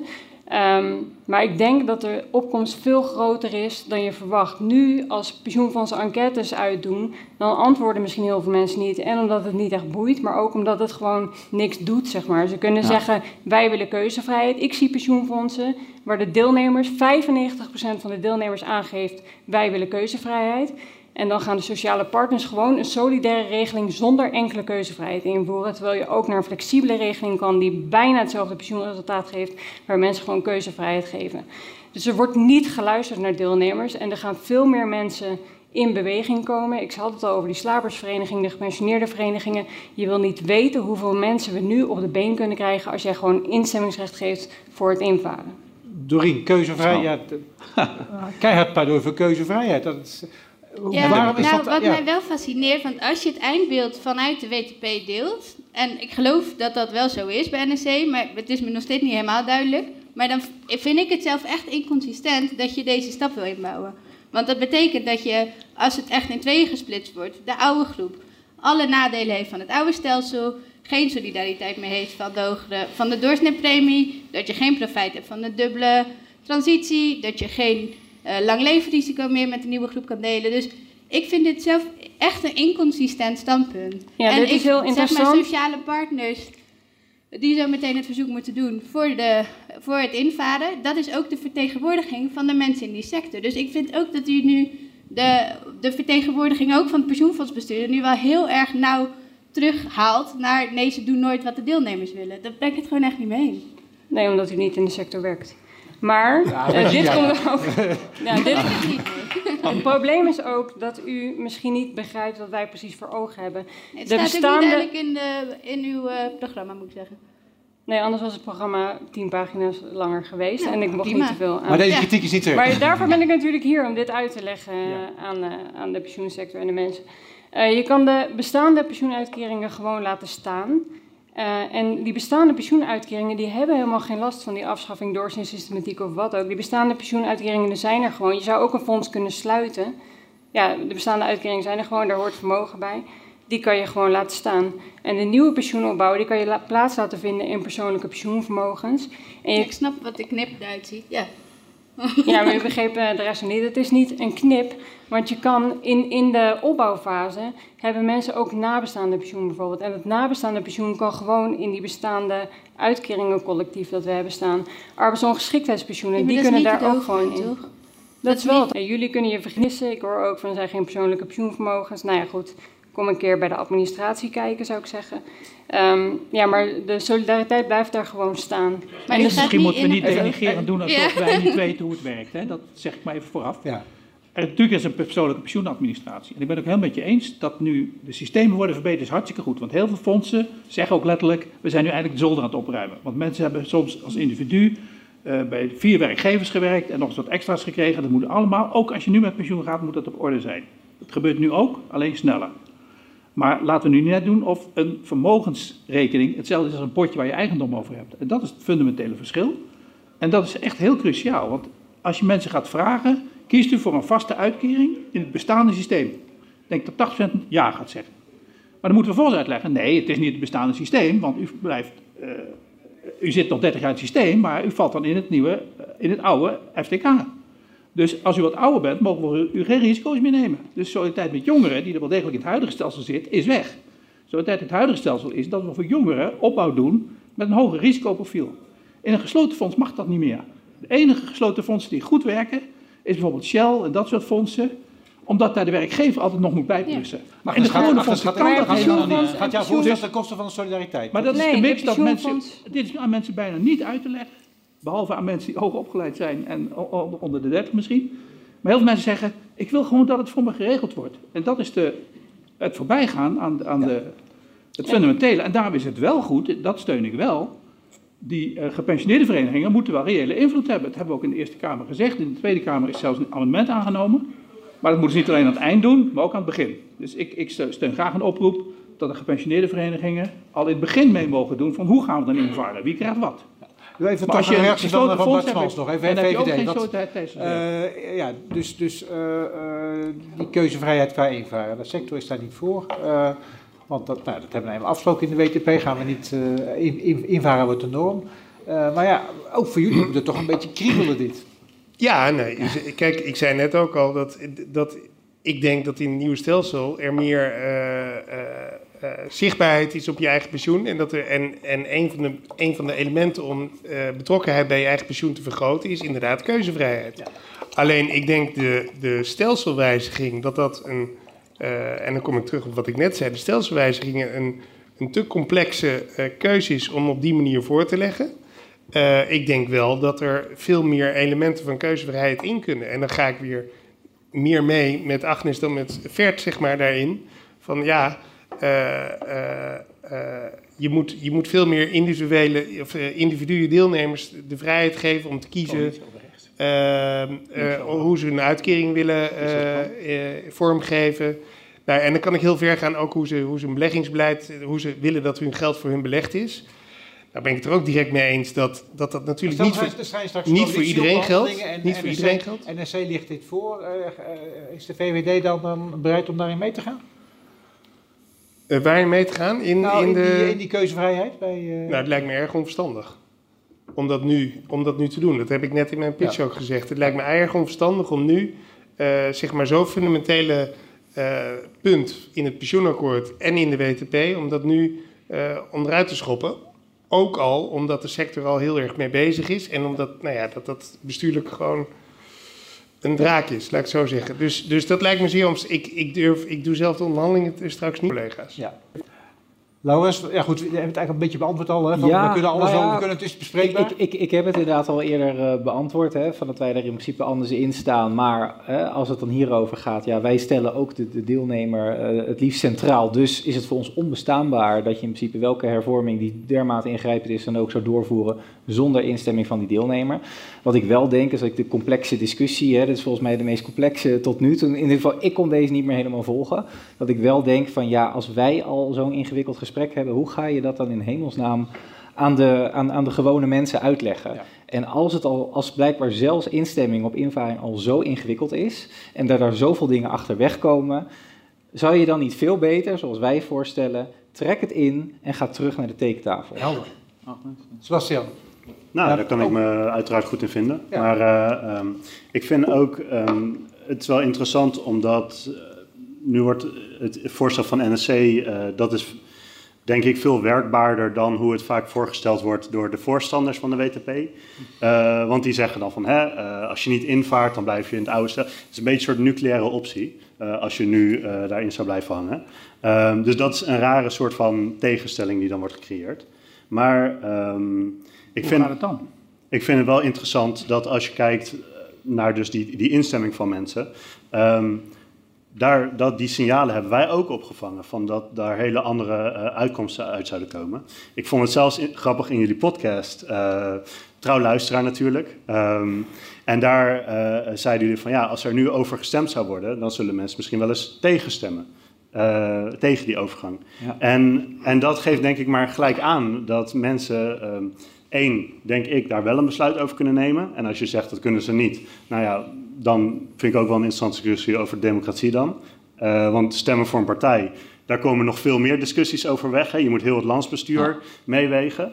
Um, en uh, uh, dus dat is ook ingewikkeld. En de tweede wat ik wou zeggen, ben ik nou weer kwijt. Maar, uh, een actueel punt van de afgelopen week. Uh, nou, week ik wil toch nog uh, wel even één uh, oproep doen, ook aan de nou ja, pensioensector.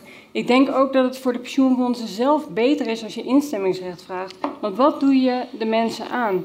Ja, als je instemmingsvraagt, dan kun je uh, ook veel meer draagvlak creëren onder je deelnemers. Ja, en dan bespaar je misschien wel tientonnen, miljoenen, ja, miljarden aan, aan rechtszaken.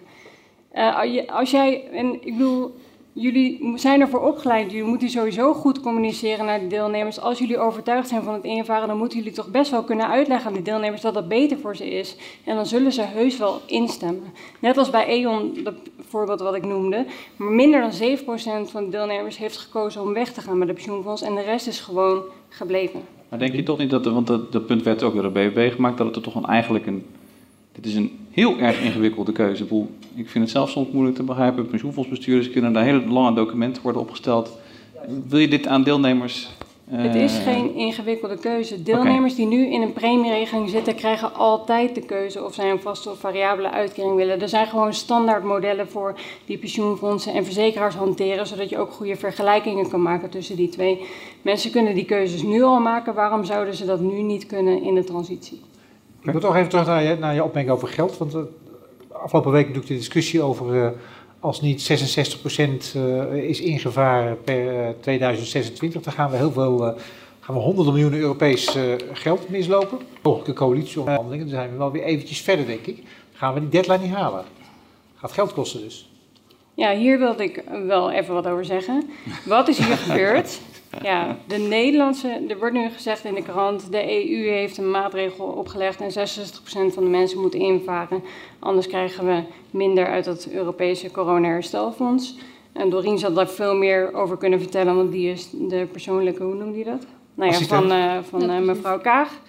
Eh, en wat is hier gebeurd? Het is helemaal niet de EU die dit heeft op- opgelegd. Nee, we hebben het zelf De. Nederlandse regering heeft het zelf aangedragen, zonder ook nog de Tweede Kamer te informeren. En ik heb het even nageplozen. Op 4 juli is de Tweede Kamer geïnformeerd over het corona-herstelfonds. Daarin werd gezegd, sommige maatregelen gaan we niet halen. We willen dan wat extra randvoorwaarden erin brengen. Geen woord op 4 juli over pensioen. En wat gebeurt er? Op 6 juli stuurt de regering een brief naar de Europese eh, Raad. En daarin staat dat er voor pensioen een extra maatregel eh, wordt ingenomen. En dit is een voorbeeld van een regering, de huidige regering, die regeert over zijn eigen graf. En dit is een voorbeeld van geen goed bestuur. Daarom is goed bestuur ook een van de belangrijke uitgangspunten van nieuw sociaal contract. Blom. Ik, ik zie eh eh, Laurens Eilig. eh, eh, Ja, nou ja, ik- ik- ik- ga even naar ja. iemand die is heel erg eh, eh, Nee, we hebben in het coalitieakkoord daar afspraken over gemaakt met de onderhandelende partijen. Namelijk welke maatregelen we die we in het coalitieakkoord hebben afgesproken ook zouden aandragen bij de commissie. Dus daar zat bijvoorbeeld de ZZP-wetgeving in, de verdere afbouw van de zelfstandige aftrek, de beperking van de MKB-winstvrijstelling en deze. En dat is ook eerder met de Kamer gecommuniceerd. Dus u schetst nu echt een beeld wat niet klopt. Nou, Maar even, toch even, dan even op de- 4 de- juli is de Kamer geïnformeerd. Die brief is gewoon openbaar. Even de er staat geen woord over is, gaat het, gaat het inderdaad geld kosten als... eh, Nu, eh, dankzij als- Dat is heel moeilijk in te schatten. Want de commissie kijkt naar het geheel van je hervormingsprogramma. En dus eigenlijk is daar geen zwart-wit antwoord op te geven. Nee, je moet het eigenlijk, eigenlijk nog verder terugnemen, eerlijk gezegd. Want je hebt het corona-herstel en hoe heet het fonds? Ehm, wij als Nederland vonden dat daar hele harde afspraken in zou moeten komen over hervormingen. Om te voorkomen dat allerlei andere landen eh, zomaar gratis geld zouden krijgen. Zeg maar. Dus we hebben erop gedrukt dat er, dat er harde afspraken in dat, in, eh, of harde afspraken onder liggen voordat dat geld wordt uitgekeerd. Vervolgens is, eh, dat hebben we inderdaad in de coalitie afgesproken, zijn er enkele onderdelen en wijzigingen van de wetgeving die, die in de stijger stond, zijn daar onderdeel van geworden. Dat is op zich volstrekt normaal. Vervolgens heeft de Eerste Kamer een, eh, volgens mij een amendement aangenomen om de, om de, de invoering van de WTP zeg maar, met een jaar te verlengen. En vervolgens was er een probleem, want dat de, de periode waar dat herstelfonds over gaat is korter dan de invoeringstermijn van de, van de WTP. Daarom kan de Europese Commissie dus niet toetsen of wij überhaupt wel iets aan, aan, aan eh, modernisering doen van de, ons pensioenstelsel. En daarom is er een, is er een, een nieuw element ingebracht. Eh, wat een jaar eerder is, waar wel op getoetst kan worden. En daar komt het, daar komt het hele misverstand vandaan, Ja, maar wat mij. hier nou het Maar hele... dit was alleen maar geschiedschrijving. Ja, nee, Wat nu het hele, wat, maar wat nu het hele bijzondere is, er stond als randvoorwaarde dat op tijd besluiten moeten worden genomen. Als je gewoon had gezegd van er moeten op tijd besluiten genomen worden, dan is die randvoorwaarde zo dat sociale partners en pensioenfondsen kunnen besluiten. Ze kunnen besluiten, maar ze kunnen ook besluiten om niet in te varen of wel in te varen. En nu is er gewoon keihard door de Nederlandse regering opgeschreven: 66% moet invaren. Dit heeft de regering ons aangedaan en die mi- miljarden regering. En ik wil Ja, daar maar- ook bij zijn we zeggen, als wij, kwijt als, nee, maar als wij wel invaren, dan zijn we ook zoveel kosten kwijt. Want APG heeft al gezegd dat die verbouwing die we zo meteen aangaan, 200 tot 300 miljoen gaan kosten. En je weet bij elke verbouwing van een huis dat het altijd veel langer gaat duren en veel meer gaat kosten. En dit is maar één pensioenuitvoerder, terwijl er een heleboel pensioenuitvoerders zijn. Het invaren zelf moet je ook niet onderschatten, dat kost ook miljarden. Vet, jij wilde Nou iets toevoegen? allereerst, Bart heeft helemaal gelijk, dit speelt al veel langer dan voor 4, 6 juli. Dus dat was gewoon een afronding en een melding aan Brussel. Het gaat Brussel niet om de kosten van de invoering, hè, de transitiekosten. Het gaat echt om een, een sustainable pensioensysteem. En ik weet zeker, eh, het is onze schuld dat het een jaar later wordt. Dat neem ik graag alle verantwoordelijkheid voor op ons eh, als Eerste Kamer. Maar tegelijkertijd, we sturen gewoon Frans Timmermans daar naartoe. En die zegt dan, we hebben de besluiten genomen. We zijn zelfs met de invoering, dat kan hij ieder jaar opnieuw zeggen. 10, 20, 30 procent is al aan het invaren. En dan zegt Brussel, oké, ook goed. Maar Brussel zal nooit tevreden zijn met alleen maar er zijn besluiten genomen. Want dat doen al die andere landen ook altijd. Ze controleren steeds sterker, voer je de besluiten ook uit. Dus als wij vertraging veroorzaken, dan mogen zij terecht vragen: is dat een serieuze vertraging of hoort dat erbij? Zoals een huis altijd duurder wordt. En dan denk ik dat Brussel zegt: nou, een jaartje later is ook niet erg. Maar als wij op ons handen gaan zitten tot 2026, dan krijgen we een probleem. Maar de Maar er zitten heel veel dingen die we Ja. ook... Heel, het is, eh, Maar Frans Timmermans, je hoeft niet op te stemmen, want hij gaat dan ook toch wel. Hè? Dat dus, met de nee, maar het, is duidelijk, regelen. het blijft toch duidelijk wie, eh, A, wie, wie schuld nou, wie schuld is dat. eh, Lijkt me achter- duidelijk. Ja, die dingen zegt- gaan zo. Ja. eh, zegt, zegt dat duidelijk. En we wilden Italië kort houden en we worden nu zelf een beetje eh, eh, daar de dupe van, begrijp ik. Eh, ik denk dat we even willen kijken wat er aan aan vragen eh, in de zaal eh, zijn. Er was er ook al een vraag over die carve-out. Willen we daar nog, eh, Ja, dat willen we daar nog even ja, uit... ja. Eh, Jolanda Ram, is die aanwezig? En zo ja... Goedemiddag, ik ben Jolanda Ram. Ik werk bij Achmea Pensioenservices en ik werk voor de eh, vier OFP's, de in België gevestigde pensioenfondsen. Oh. En invaren is een belangrijk onderwerp, maar voor Belgische fondsen niet mogelijk, omdat het eh, niet onder het sociaal en arbeidsrecht valt. Dus ben ik wel heel erg benieuwd waarom een wettelijke carve-out nou niet wordt toegestaan, want dat biedt voor de OFP's in ieder geval een mooi alternatief. Ja, en even voor de zaal, een carve-out, daar bedoel je, wat bedoel je daar precies mee? Voor de, Eh, dat je een scheiding krijgt tussen eh, bijvoorbeeld dat je de gepensioneerde naar een verzekeraar kan doen en de eh, actieve deelnemers eh, in het pensioenfonds houdt. Bij het invaren. Dus Ja. alleen de gepensioneerden apart, eh, Apart gaan behandelen.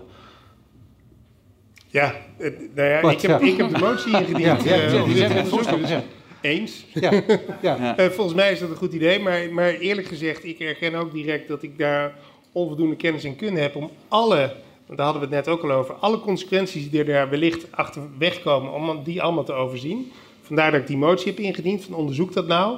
En die, die uitkomst die is er nog niet. Eh, maar eh, ja... Ik, Zijn er ook mensen die er tegen zo'n tegen die motie zijn? hebben gestemd? Dat weet ik niet. Maar... Wie is er tegen zo'n carve-out? Ik Als heb de gewoon neiging om het tegen te zijn, omdat ik denk, ja, ik heb liever een grotere eh, pooling. Dus nog Ja. los van solidariteit links-rechts, maar gewoon iedere verzekeraar moet een grote pool hebben. Omdat jij dan de zekerheid hebt, als mijn huis afbrandt, is er gelukkig genoeg geld in de pot.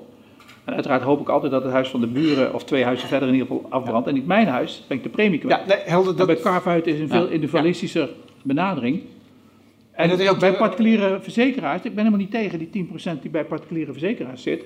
Maar die hebben nooit een achterdeurtje, want de aandeelhouders gaan echt niet betalen als er tekorten komen. maar goed, even Ik, ook wat Bart net zegt, ik kan niet overzien bij elk pensioenfonds of bij, bij, bij een eh, verzekeraar wat het dan zou betekenen. Maar hebben die optie. hè, Die ik optie. vind, ben er principieel niet tegen. Maar wat ik wel een beetje Ah. naar zit te zoeken is, eh, want dat past ook wel heel erg nu bij een, hoe zeg ik dit netjes?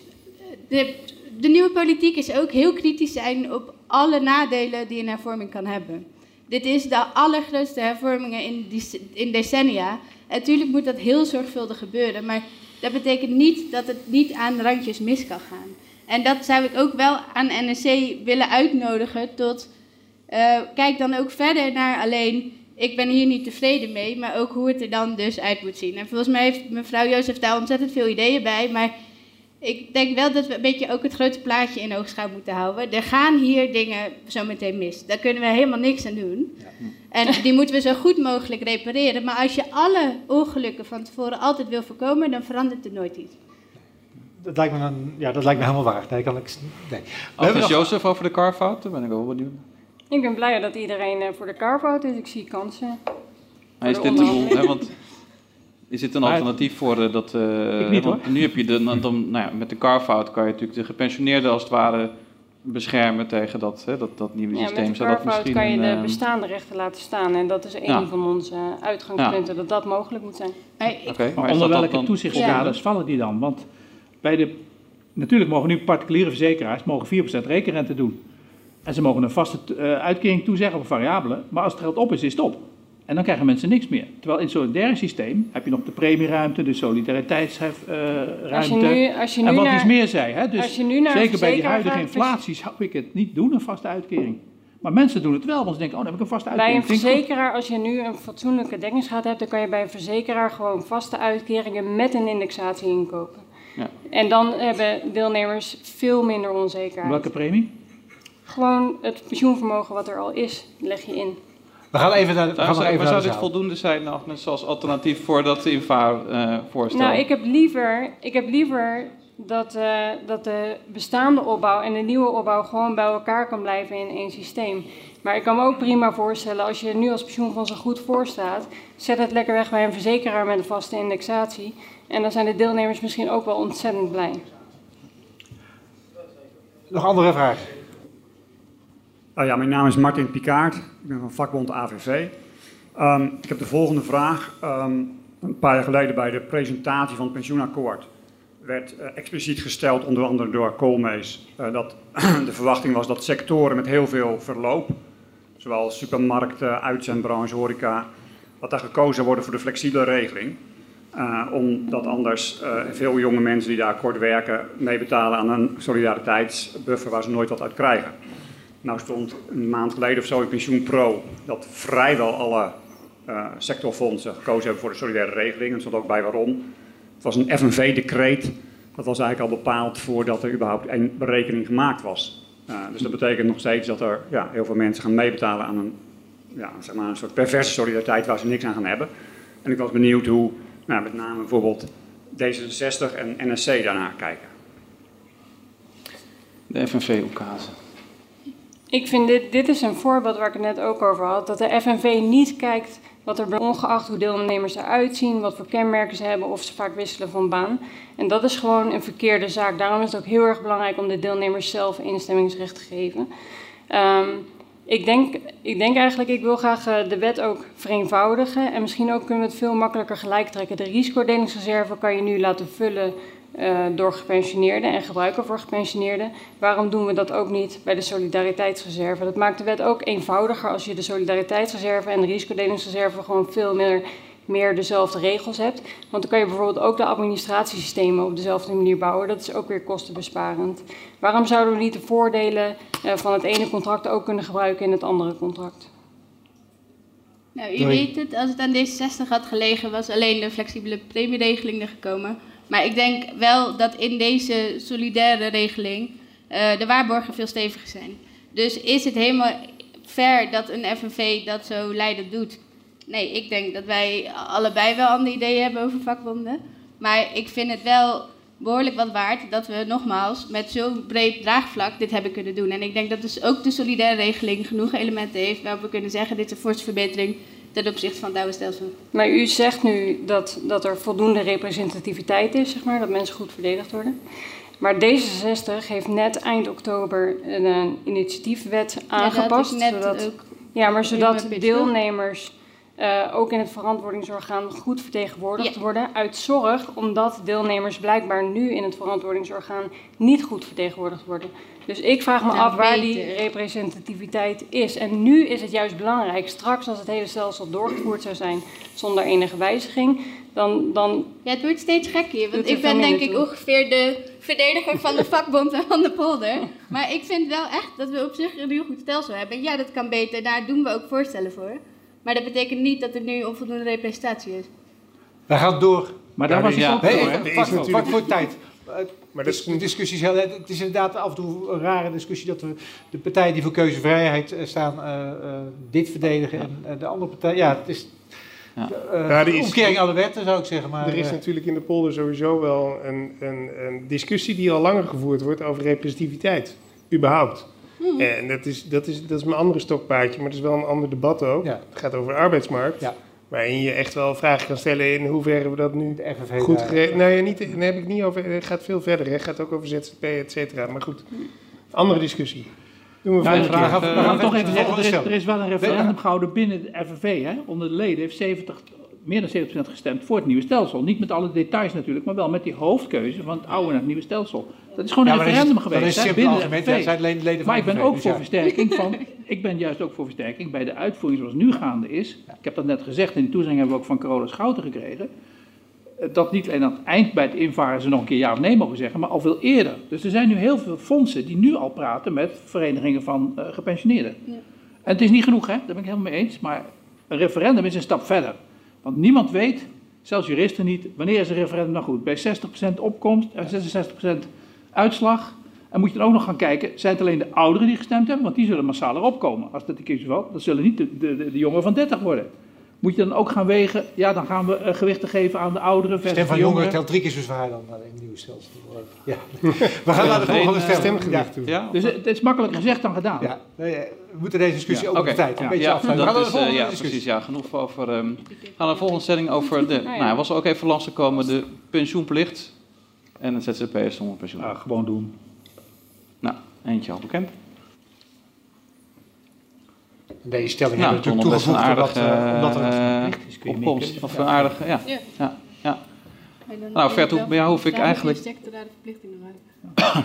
Eigenlijk was, eh ja, jou hoef ik nauwelijks te vragen natuurlijk wat je hiervan vindt. Maar misschien wat ik me ook een beetje afvraag, stel dat je nou een pensioenplicht hebt voor alle werkenden.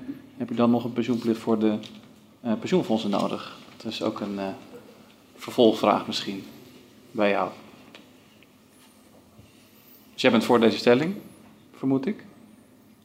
Eh, ja, ik eh, zit een beetje te zoeken. Ik, ik zei bijna net, als je, als je een pensioenplicht hebt, dan kun je ook meer keuzevrijheid doen. Want Ja. dan voorkom je dat mensen, het kan dan ook misgaan hoor, maar dan, nu kunnen mensen zeggen, nou ik ga niet meedoen, want ik ben sterk op de arbeidsmarkt, ik, heb, ik ga het in eigen huis stoppen. En, zo de tijd gaat heel anders in elkaar zitten. Maar wij zijn voor een verplichte pensioenplicht, het is niet gelukt, er was geen meerderheid voor in de Tweede Kamer. Dus ik ben wel blij met de stappen voor de ZZP'ers, maar nu ook voor die kappers. Want we wilden de jongeren, hè, die, die gaan nu eerder, met 18 moeten ze opbouwen. Maar voor die kappers bleek dat niet te werken. Nou, daar is de franchise voor aangepakt, de regeling. Ja, dus zo nee, moet je dat wel... is niet de franchise aan, maar goed. Nou ja, de, de techniek is ingewikkeld. Maar En wat voor Ja. keuzevrijheid levert dat op, volgens jou? nou, laten we eerst die plicht maar binnenhalen, dan gaan we daarna die keuzevrijheid wel invullen. En wat is Oké. mis met zo'n pensioenplicht? Nou, ik, ik heb in het debat altijd gezegd dat ik het heel verstandig vind dat mensen pensioen opbouwen. En dat we dat vooral moeten stimuleren. Maar dat het, dat het nogal individueel scheelt. Hè? Als, je een, als, je de, als je een bakker hebt die eh, zijn bakkerij, eh, als die 65 is, verkoopt en die heeft dat pand nog en dat is zijn pensioen, dan kom je in een hele gekke situatie. Wij, wij vinden, VVD vindt, dat mensen daar individuele keuze in moeten kunnen maken. En individuele afweging moeten kunnen maken die veel meer bij hun persoonlijke situatie past. In plaats van een algehele pensioenplicht. En als die, bakker, als die bakker straks zijn, eh, zijn bakkerij onverhoopt niet voor het bedrag kan verkopen wat hij in zijn hoofd heeft? Ja, nou ja, d- nou ja dat, is, dat is lullig voor hem, hè? Maar eh, En, en, die moet, en, jij- daardoor, en daardoor moet hij eh, zijn huis verkopen en eh eh huurtoeslag aanvragen en ja, maar als die, als die zijn, als, kijk, maar het probleem is, als je, nou, ik ben zelf ondernemer, ik heb zelf een, een bedrijf. In het begin van, van je bedrijf, dan stop je al je tijd, energie en geld in je bedrijf om het succesvol mogelijk te maken. Als je dan vervolgens verplicht wordt om een gedeelte van, jou, van jouw ondernemersinkomen in een pensioen te stoppen, terwijl je denkt, nee, ik kan het veel beter stoppen, bijvoorbeeld in het pand wat ik, eh, wat ik heb, waar ik mijn bedrijf heb, of, of ik maak hele andere keuzes, dan moet dat mogelijk zijn, vind ik. En die, zeker een ondernemer die zelf elke dag keuzes maakt over hoe hij met zijn geld om moet gaan, die, die, die moet die vrijheid houden. Geldt dit ook voor eh, werknemers? Hè? Want je hebt ook werknemers die geen pensioen opbouwen. Bij een ondernemer die ook geen pensioen biedt. Nou, ik heb- wat ik wel gezegd heb, hè, want de- ik, ik vind het goed om de wi- witte vlek terug te dringen, maar ik heb trouwens wel erbij gezegd dat ik vind dat bij het bepalen van de witte vlek je moet, ook moet meenemen wat er in de derde pijler wordt opgebouwd. Oké. Want dat is, dat is ook pensioen voor mensen. En dan krijg, je, een- dan krijg je een hele andere, veel genuanceerdere discussie. En dan kan je ook veel beter eh, bepalen voor welke groepen je nou echt het probleem moet oplossen. En voor welke, pro- voor welke groepen er helemaal geen probleem is. Maar zomaar ruksigloos een pensioenplicht voor iedereen is denk ik echt veel te kort door de bocht. Pijler, wel zeker. Nog herkenbaar Eh, geluid. Maar eh, eh, weet je, eerst ga je heel Nederland flexibiliseren. Hè? Ga je iedereen flexbanen aansmeren met onzekere contracten en lage lonen. En geen pensioenopbouw. Dan zeggen we, oh, we hebben een nieuw pensioenstelsel nodig, want Nederland is zo flexibel geworden, zo geflexibiliseerd. En dan gaan we dat nieuwe stelsel invoeren. En dan regelen we niks voor al die mensen die eh, nu geen pensioen opbouwen, voor die witte plek. en dan vind ik dus echt de wereld op zijn kop dat we, ja, dat, dat jullie, nou, ik zal geen jullie zeggen, maar dat we in Nederland eh, eh, deze stappen zijn doorlopen. En dan als we op, op het einde aankomt, zullen we dan iets doen voor werkende mensen, zullen we iets voor ze regelen. Bijvoorbeeld dat, ze, dat iedereen pensioen opbouwt, dan zeggen we nee. Dan zeggen we nou, we gaan kijken, gaan onderzoek doen, enzovoort, enzovoort. En laten ze kaart vallen. En ik, ik vind dat wel... eh, Nee, nee, nee, nee. Maar dat Ja, is, dat is, nee, ja, maar dat, Ga even- laat van, een wel voor dus- even naar de maak- basis. Ja, maar sorry, moet even naar de basis terug. Hè. We hebben in Nederland een collectief pensioen, dat heet AOW. Dat is, daar, dat is al de basis. Dus je laat sowieso niemand vallen. Daaronder zakt niemand.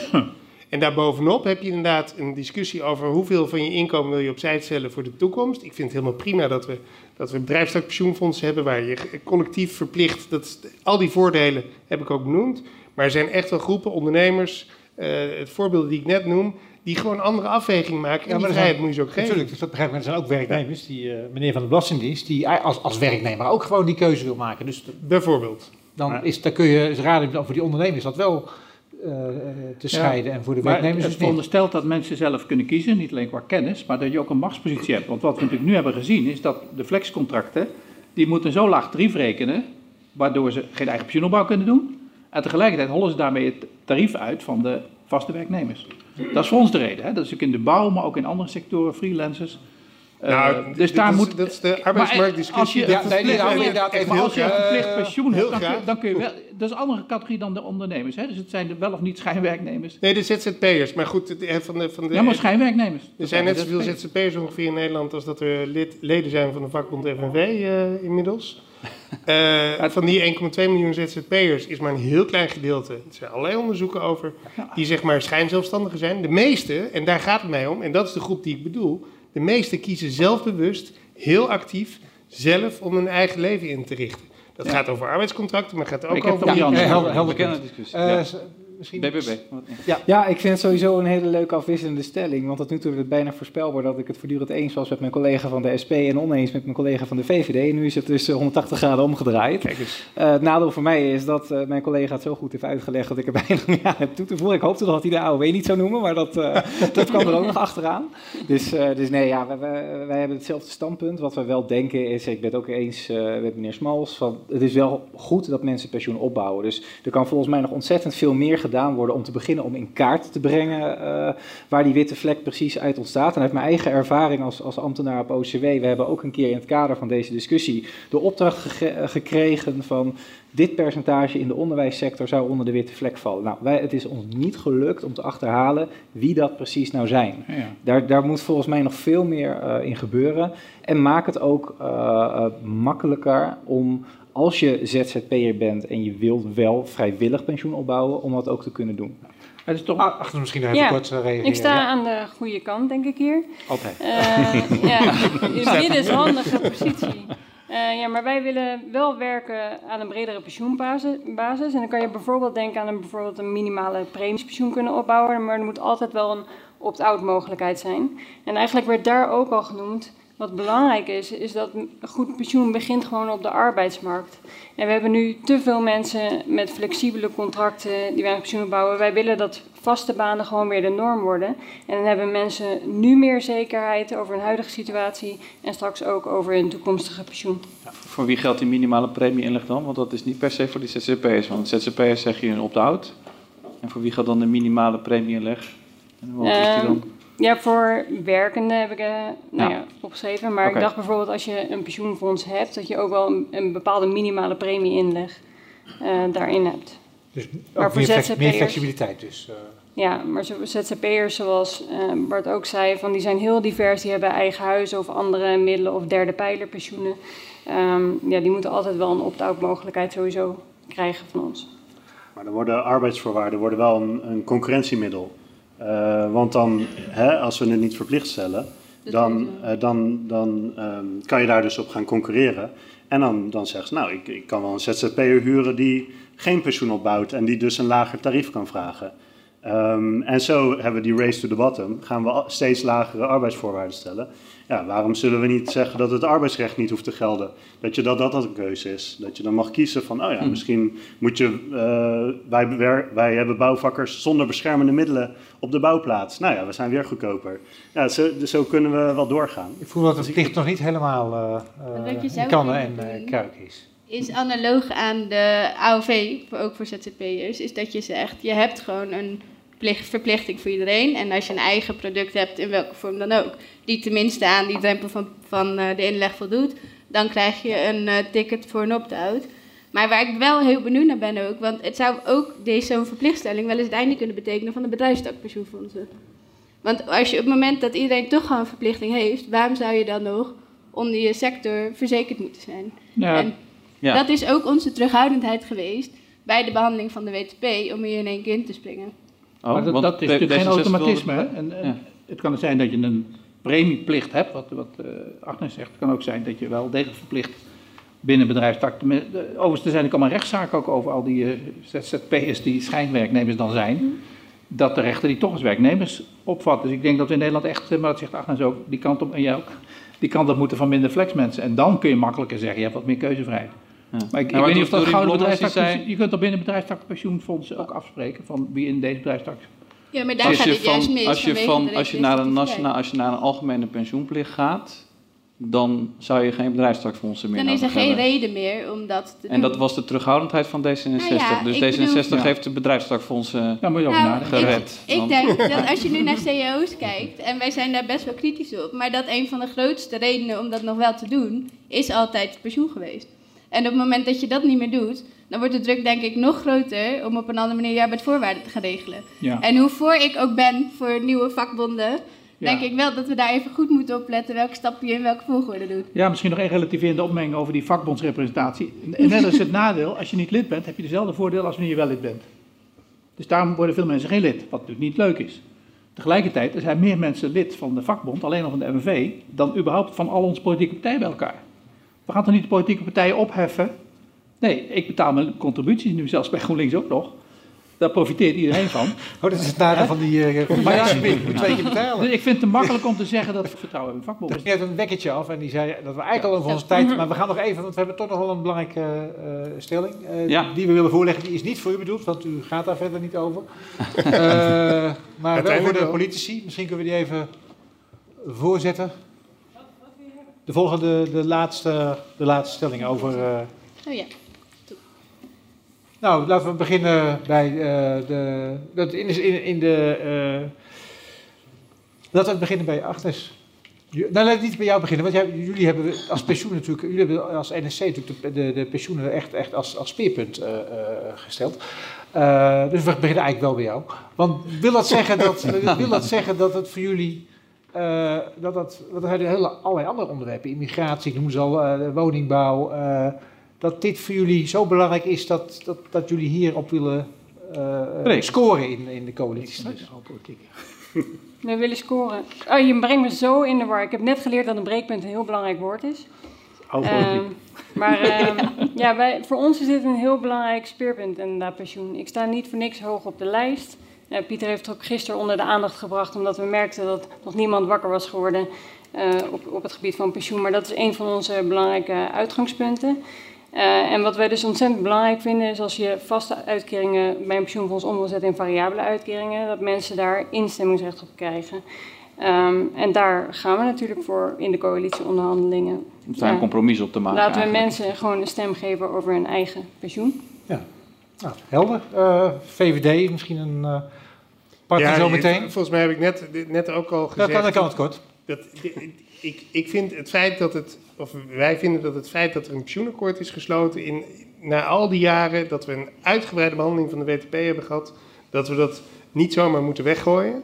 Dat dat doodzonde zou zijn voor, voor de voor de Maar is het ook een breekpunt?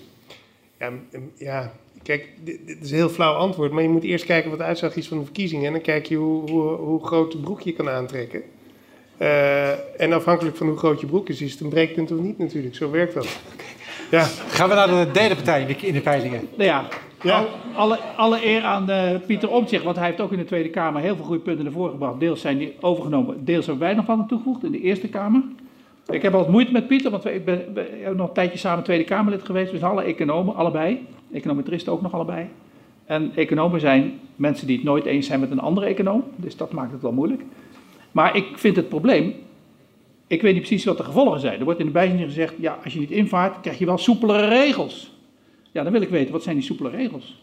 En breekpunten zijn wat mij betreft oude politiek. Als die soepele regels werkbaar zouden zijn, en niemand heeft ze nog ooit voorgesteld, Pieter ook niet.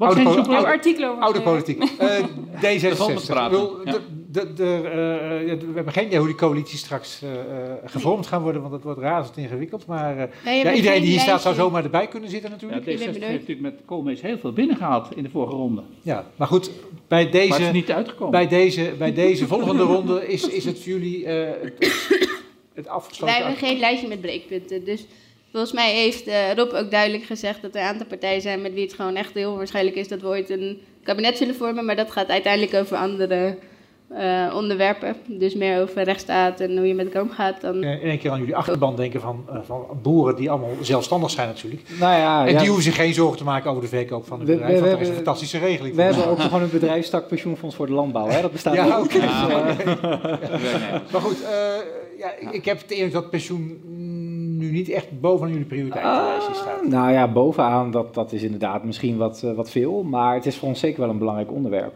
En eh, ja, zeker als wij gewoon minimaal 16 zetels halen, dan hoop ik het zelf misschien een breekpunt te kunnen maken. Ja. Maar eh, ja, we zullen gewoon eh, op, op, ook op pensioen ons opstellen zoals we ons op alle onderwerpen gaan opstellen. Als wij bij onderhandelingen worden betrokken. Gewoon vanuit een constructieve houding en zien of je het er eh, met elkaar eens kunt gaan worden. Open en constructief. Sowieso hebben ze al 16 zetels in de Eerste Kamer. Daar al wel, en ja. samen, met die 14 van, samen met die 14 van ons is dat 30 zetels.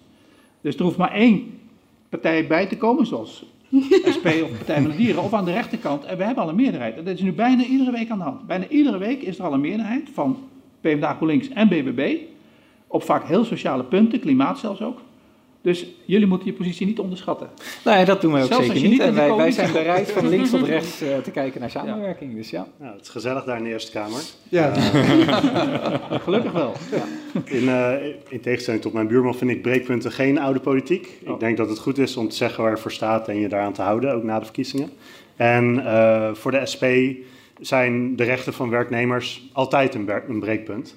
Ehm, en dus de, de onaangepaste WTP, dat, dat is voor ons zeker een breekpunt. Ja, daar gaan we niet Ja. op mee. Nee, helder. Nou, maar dat suggereert dan toch dat er best over de voorstellen van de NSC te praten valt. Want het was een speerpunt van, van, van Agnes en Pieter Omzicht. En ik heb van de andere, nou ja, toch wel potentiële coalitiepartners, mogen we toch wel zeggen, niet eh, direct gehoord van dat willen we absoluut niet. Nou, sterker nog, een aantal punten ben ik het helemaal mee eens, hebben we het niet over gehad, maar zware beroepen regelen, eh, open normen, dus niet alles door DNB dicht laten regelen. Daar heb ik een enorm verhaal over gehouden in de Eerste Kamer, ik helemaal mee eens. Eenmalige uitkeringen, herzien, dat is een politiek woord voor intrekken. En dan ook nog... Dat is toch wel bijzonder, hè, Ja, als, Pieter dat opschrijft, is daar geen twijfel over. En we kennen zijn kritiek en ik ben het er helemaal mee eens. Eh, over het CDA was het ook mee eens in de Eerste Kamer. Nou, het bijzondere is en dan nog de verplichtstelling of premieplicht dan. Iets van daarop lijkt. Dus laten we nou niet net doen of NSC en de andere partijen helemaal nergens over eens kunnen worden. Ik denk dat bijvoorbeeld, bijvoorbeeld die open, Maar ik ben geen open normen, want dat, dat is een trigger voor mij, maar ik weet, dat daar hebben we het in de Tweede Kamer ook over gehad. En het zou me niks verbazen als daar toen al en nu nog steeds gewoon een meerderheid voor is in, in beide kamers. Voor de? Voor die open normen. Ja. En dat verbaast me dan dat dat dan nog Ja. onvoldoende vorm krijgt. Maar goed. Die laten we even. We hebben nog even de tijd. Ik denk dat we nog even naar de zaal willen. Dat hebben we beloofd. Ja. Eh, en u heeft al heel lang eh, geluisterd naar eh, eh, de politie. Daarom was u hier ook natuurlijk.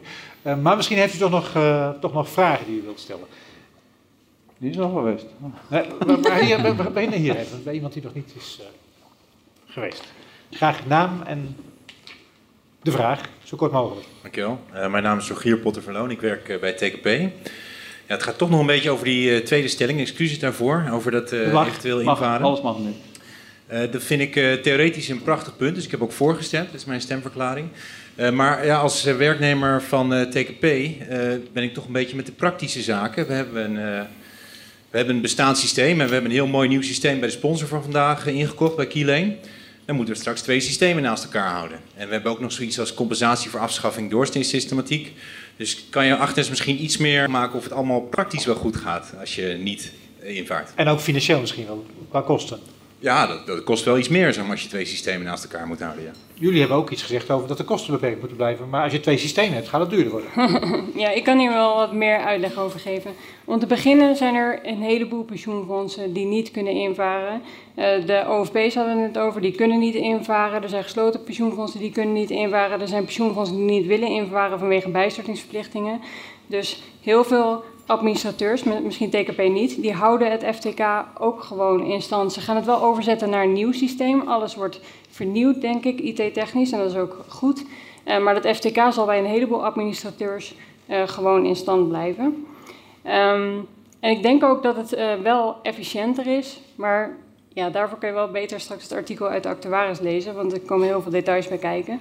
Maar wat ik zelf altijd zie, wat wij ook uh, bij Achmea bijvoorbeeld hebben, is we hebben, als mensen in de uitkeringsfase zijn, dan hebben wij een uitkeringenadministratie. En als ze in de opbouwfase zijn, hebben wij een opbouw, een uh, persoonlijk pensioenvermogenadministratie. En dan als je de bestaande rechten laat staan, dan heb je eigenlijk ook gewoon een uitkeringenadministratie en de nieuwe persoonlijke pensioenvermogens die gaan in de persoonlijke pensioenvermogenadministratie.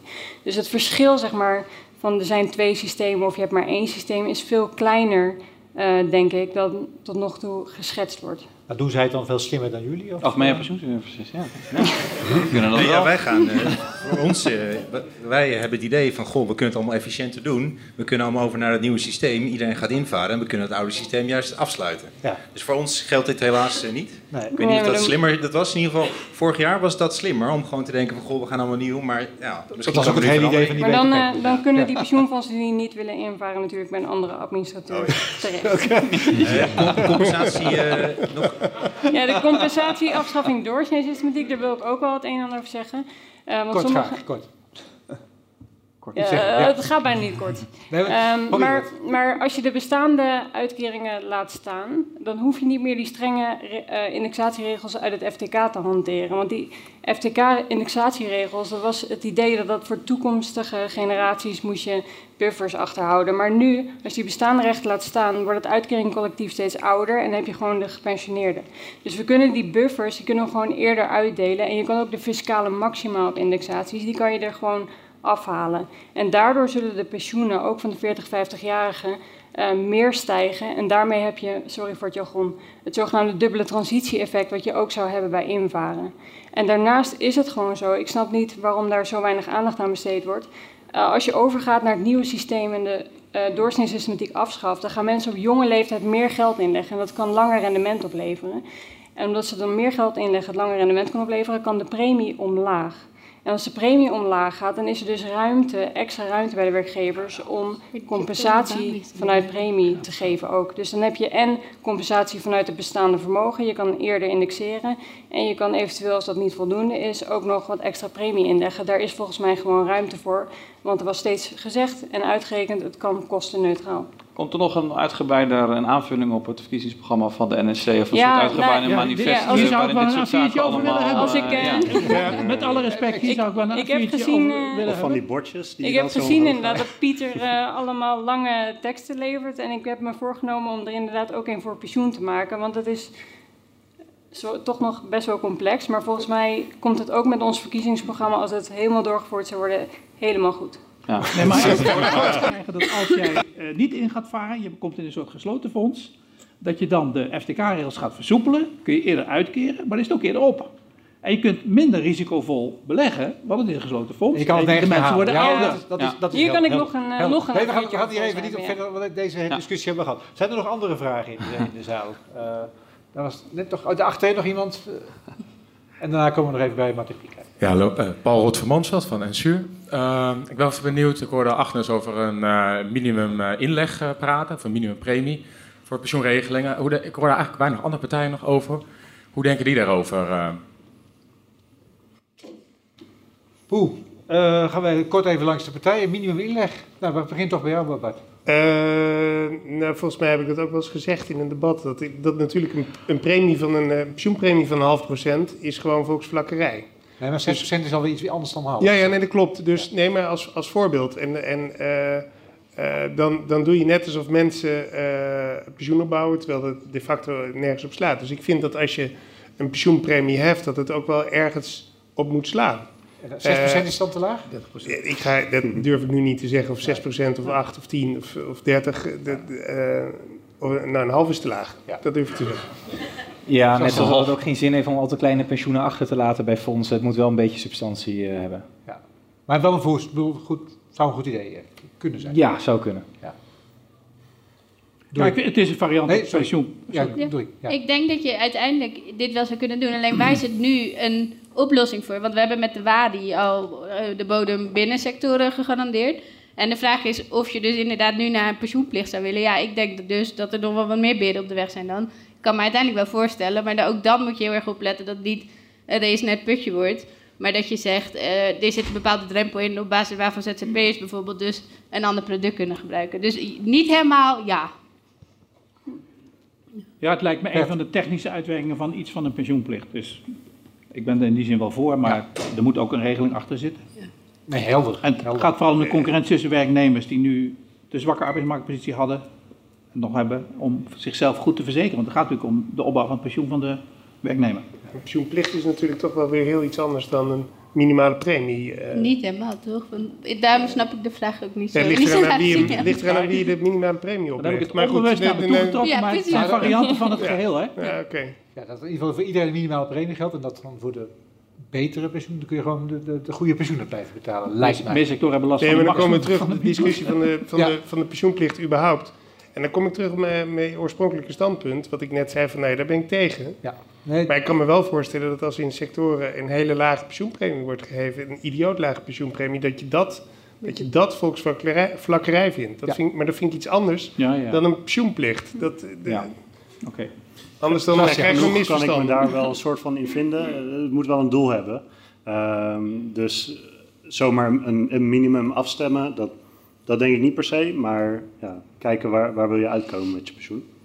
Eh, dus dat. Oké. Dan gaan we naar de laatste vraag, denk ik. Ja, ik zie al mensen zeggen dat het afgelopen moet zijn, maar we gaan toch nog een laatste vraag Ah ja, Martin Picard, vakbond AVV. Ik heb een vraag in ieder geval voor de partijen die voor een pensioenplicht hoorden pleiten. Volgens mij waren dat in ieder geval SP en GroenLinks PvdA. Ehm je- je- hoe ze tegen het volgende aankijken. Je hebt natuurlijk de AOW, die is al een paar keer genoemd, met als duidelijke doelstelling om, om te voorkomen dat mensen, om, om te zorgen dat mensen een leefbaar inkomen hebben. Nou, de argumentatie. Hè, dan is er een sector met een regeling, die is door de meerderheid van de sector wordt die uitgevoerd. En dan is de doelstelling het voorkomen van concurrentie op arbeidsvoorwaarden. Ja. Dan ben ik wel benieuwd, als je nou voor een pensioenplicht algemeen pleit, wat voor redenering wil je dan onderleggen? Hè, want als je kiest voor, ja, eh, je hebt al iedereen een AOW-uitkering gegeven, hè, dus ze kunnen al rondkomen. Ga je dan als overheid zeggen, ja, we willen dat jullie... Maar kan je, kan je rondkomen van de AOW op zichzelf? Nou, dat, dat kan dus een ander standpunt zijn. Dat je zegt, nou, we vinden dat je niet kan rondkomen, maar dan kun je, waarom, het officiële standpunt is nog steeds, de AOW is een uitkering waar je van moet kunnen rondkomen. En daar kan je het mee oneens zijn, maar dan kan je ook zeggen, dan verhoog je de AOW tot een niveau waar je van kan rondkomen. Dus ben ik wel even benieuwd naar de argumentatie die daar dan achter zit. Kan dat, Nou ja, denk je? Het is eh, een- vet? Sorry, terecht. Op zijn minst een economische vraag die we ook dus, juist toen de rente zo laag was besproken hebben met z'n allen. Van als de rente zo laag is, lager dan de nominale groei, dan moet je eigenlijk geen kapitaaldekking hebben. Dan moet je dus de AOW verhogen. Maar we voelen ons in Nederland wel prettig bij het systeem van een forse AOW en een aanvullend pensioen. Geeft toch een gevoel van vrijheid. Maar het is relatief, want de mediaan, eh zelfs van Timmans gebruikte het woord mediaan gisteravond. De mediaan is 549 euro voor het aanvullend pensioen. Dus dat is helemaal niet zoveel. Als je ziet wat mensen kunnen doen en daarvan kunnen doen, is veel mensen hebben natuurlijk nog aanvullende uitkeringen nodig. Dus het is een beetje lood om oud ijzer wat dat er gaat. Maar mensen hebben toch wel denk ik een goed gevoel in mijn sector, mijn eigen pensioen. En overigens, eh, boven de mediaan zitten natuurlijk ook nog heel wat mensen. Dus, eh, Ja, nou, plus die, eh, die concurrentie op maar arbeidsmarkt. we- de rente gaat natuurlijk wel weer een keer zakken. Maar of die dan kleiner is dan de nominale groei, we weten het niet. Ik heb overigens liever, mensen zeggen nu van, oh de rente is weer hoog. Nee, maar het gaat volgens mij om het fundamentele punt. Van, Ja. je hebt een, Ja. je hebt een, je Je hebt een een stuk- AOW en, en moet je daar daarboven nog een plicht... eh, Je hebt Daar ben ik wel heel blij dat AOW konden we de laatste jaren de inkomsten van de mensen op peil houden, terwijl de pensioenen niet geïndexeerd werden. Ja. Dat wordt wel eens vergeten. Hè? De AOW is echt behoorlijk gestegen in al die jaren. Waardoor het inkomen van gepensioneerden... Maar de vraag het is, meest- moet je, wat is dan het argument? Moet, ik- kan ook gewoon de AOW verhogen. Dus veel hoger AOW. Ja. Ja. heb je ook geen pensioenplicht meer nodig. Klopt. Oké. Sebastian, eens? Ja, met ons is er zeker te praten over die eerste pijler groter maken eh, en die tweede pijler kleiner. Ik denk dat het goed is. En ik hoorde de VVD bijna ook die richting in redeneren. ik hoorde hem, ik hoorde hem. Nee, Eh, ja, nee, nee. eh, dus daar, daar valt zeker over te praten. En als je het minimumloon flink omhoog gooit en eh, de AOW eh, stijgt daarmee omhoog, ehm, dan, dan heb je ook denk ik een veel stabieler stelsel. We hebben nu bijna nog een soort van kapitaalgedekt omslagstelsel. In de zin van dat er elke keer meer premies eh, inkomen dan dat we de eh, eh, uitkeringen doen. Ehm, dus in, in die zin ehm, denk ik dat je het ook kan zien als een soort extra buffer. En dat we voor iedereen in Nederland zorgen dat er die basispilaar is, die eerste pilaar. dus als je dat bedoelt, dan ja. ja. Helder. Ja, ik denk dat we uh, moeten uh, uh, gaan afsluiten. we kunnen nog heel lang doorgaan. Maar we gaan nog even stemmen. Want we hebben natuurlijk alle argumenten voorbij horen komen, of bijna alle argumenten. en u, heeft u, u, u, krijgt uw kans om uw mening te herzien. dus we gaan opnieuw stemmen. En dan kijken we of er toch wat wijzigingen zijn gekomen. Ja. Nee, nog steeds, nog steeds weer over het pensioendossier. Nee, we stemmen weer over het pensioendossier. Dat is hetzelfde als bij de eerste stemming. Ja, daar waren mensen later binnengekomen. Dit gaat puur op het uh, pensioendossier. Ik zie wel veel minder mensen stemmen dan net. Dus als u even, toch even wilt stemmen. Sorry. We hebben niet zo gek veel zwevende kiezers als ik het uh, moet uh, volgens mij heeft interpreteren. Er zijn ook minder stemmen dan de vorige keer volgens mij. We hebben ook iets minder stemmen, en we hebben, maar we hebben vooral ook minder stemmen op partijen die er niet waren. Dus in ieder geval uw aanwezigheid heeft uh, ertoe geleid dat meer mensen op de partijen hebben gestemd die hier zijn. Dat is een goede ontwikkeling. want dit is de, oh hier kunnen we dus naast ja. elkaar zien. BBB ja. helaas nog steeds op nul. Maar Even kijken, het was, het was 7 voor NSC. NSC heeft wat zieltjes gewonnen hier in de, in de zaal. Ja. Uh, VVD uh, ook een, een, een, zieltje erbij. GroenLinks PvdA blijft gelijk. Ja. BBB helaas blijft ook gelijk. Dus wat nog een... Oh, D66 heeft ingeleverd. en uh, ik, moet heel D66 heeft ook aardig gewonnen. Nee, die heeft ingeleverd. Oh, sorry, die heeft ingeleverd. Ik kijk verkeerd. Ja, jullie hebben ingeleverd. Ja. Ja, ik ben geen duider van de verkiezingsuitslagen, dus misschien moeten we dat... Uh, we zullen het naar jullie toezenden, kunnen jullie er zelf nog even op, uh, op studeren. Uh, daarmee komt een einde aan dit verkiezingsdebat.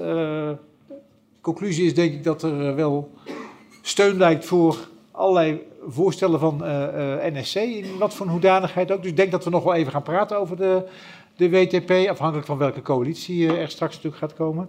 Ik denk dat ik nog een eh, paar A4 moet schrijven. Maar... Er moeten nog wat ja, A4'tjes komen. Ja, laten we nog wat dingen gaan schrijven, want we hebben nog niet heel veel geschreven de afgelopen jaren. Uh, ik wil in ieder geval... En dan jullie... kun je premier worden, want er is nog geen kandidaat, hè? ja. ja, dat, ja, nee. ja ben je, moeten, we de, moeten we de vraag stellen, ben je beschikbaar? Als, Daar hebben wij nog niet over besloten. Daar hebben we nog niet over. Goed, ik wil uh, graag, uh, ik wil jullie heel erg bedanken voor jullie aanwezigheid. En graag een applausje voor uh, de mensen die hier zijn.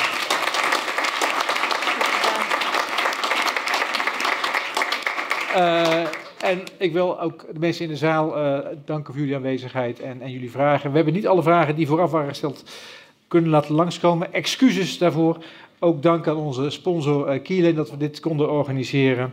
Uh, dit debat kunt u terugluisteren online, hopelijk uh, morgen al. Waarschijnlijk overmorgen. Maar waarschijnlijk Goed. overmorgen, uh, hoor ik uit betrouwbare bron. namens de redactie, namens Maarten en mij, dank voor uw aanwezigheid en tot de volgende keer. En veel wijsheid in het stemhokje.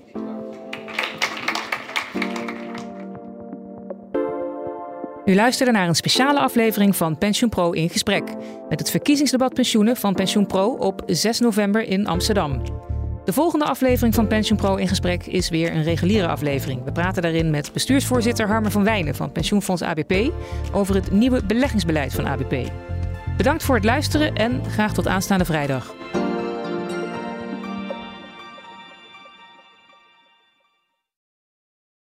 Ook Harm Edens vind je in de BNR-app. Je kunt BNR Duurzaam niet alleen live luisteren in de app, maar ook terugluisteren als podcast, zoals al onze podcasts. En naast dat de BNR-app Breaking News meldt, houden we je ook op de hoogte van het laatste zakelijke nieuws. Download nu de gratis BNR-app en blijf scherp.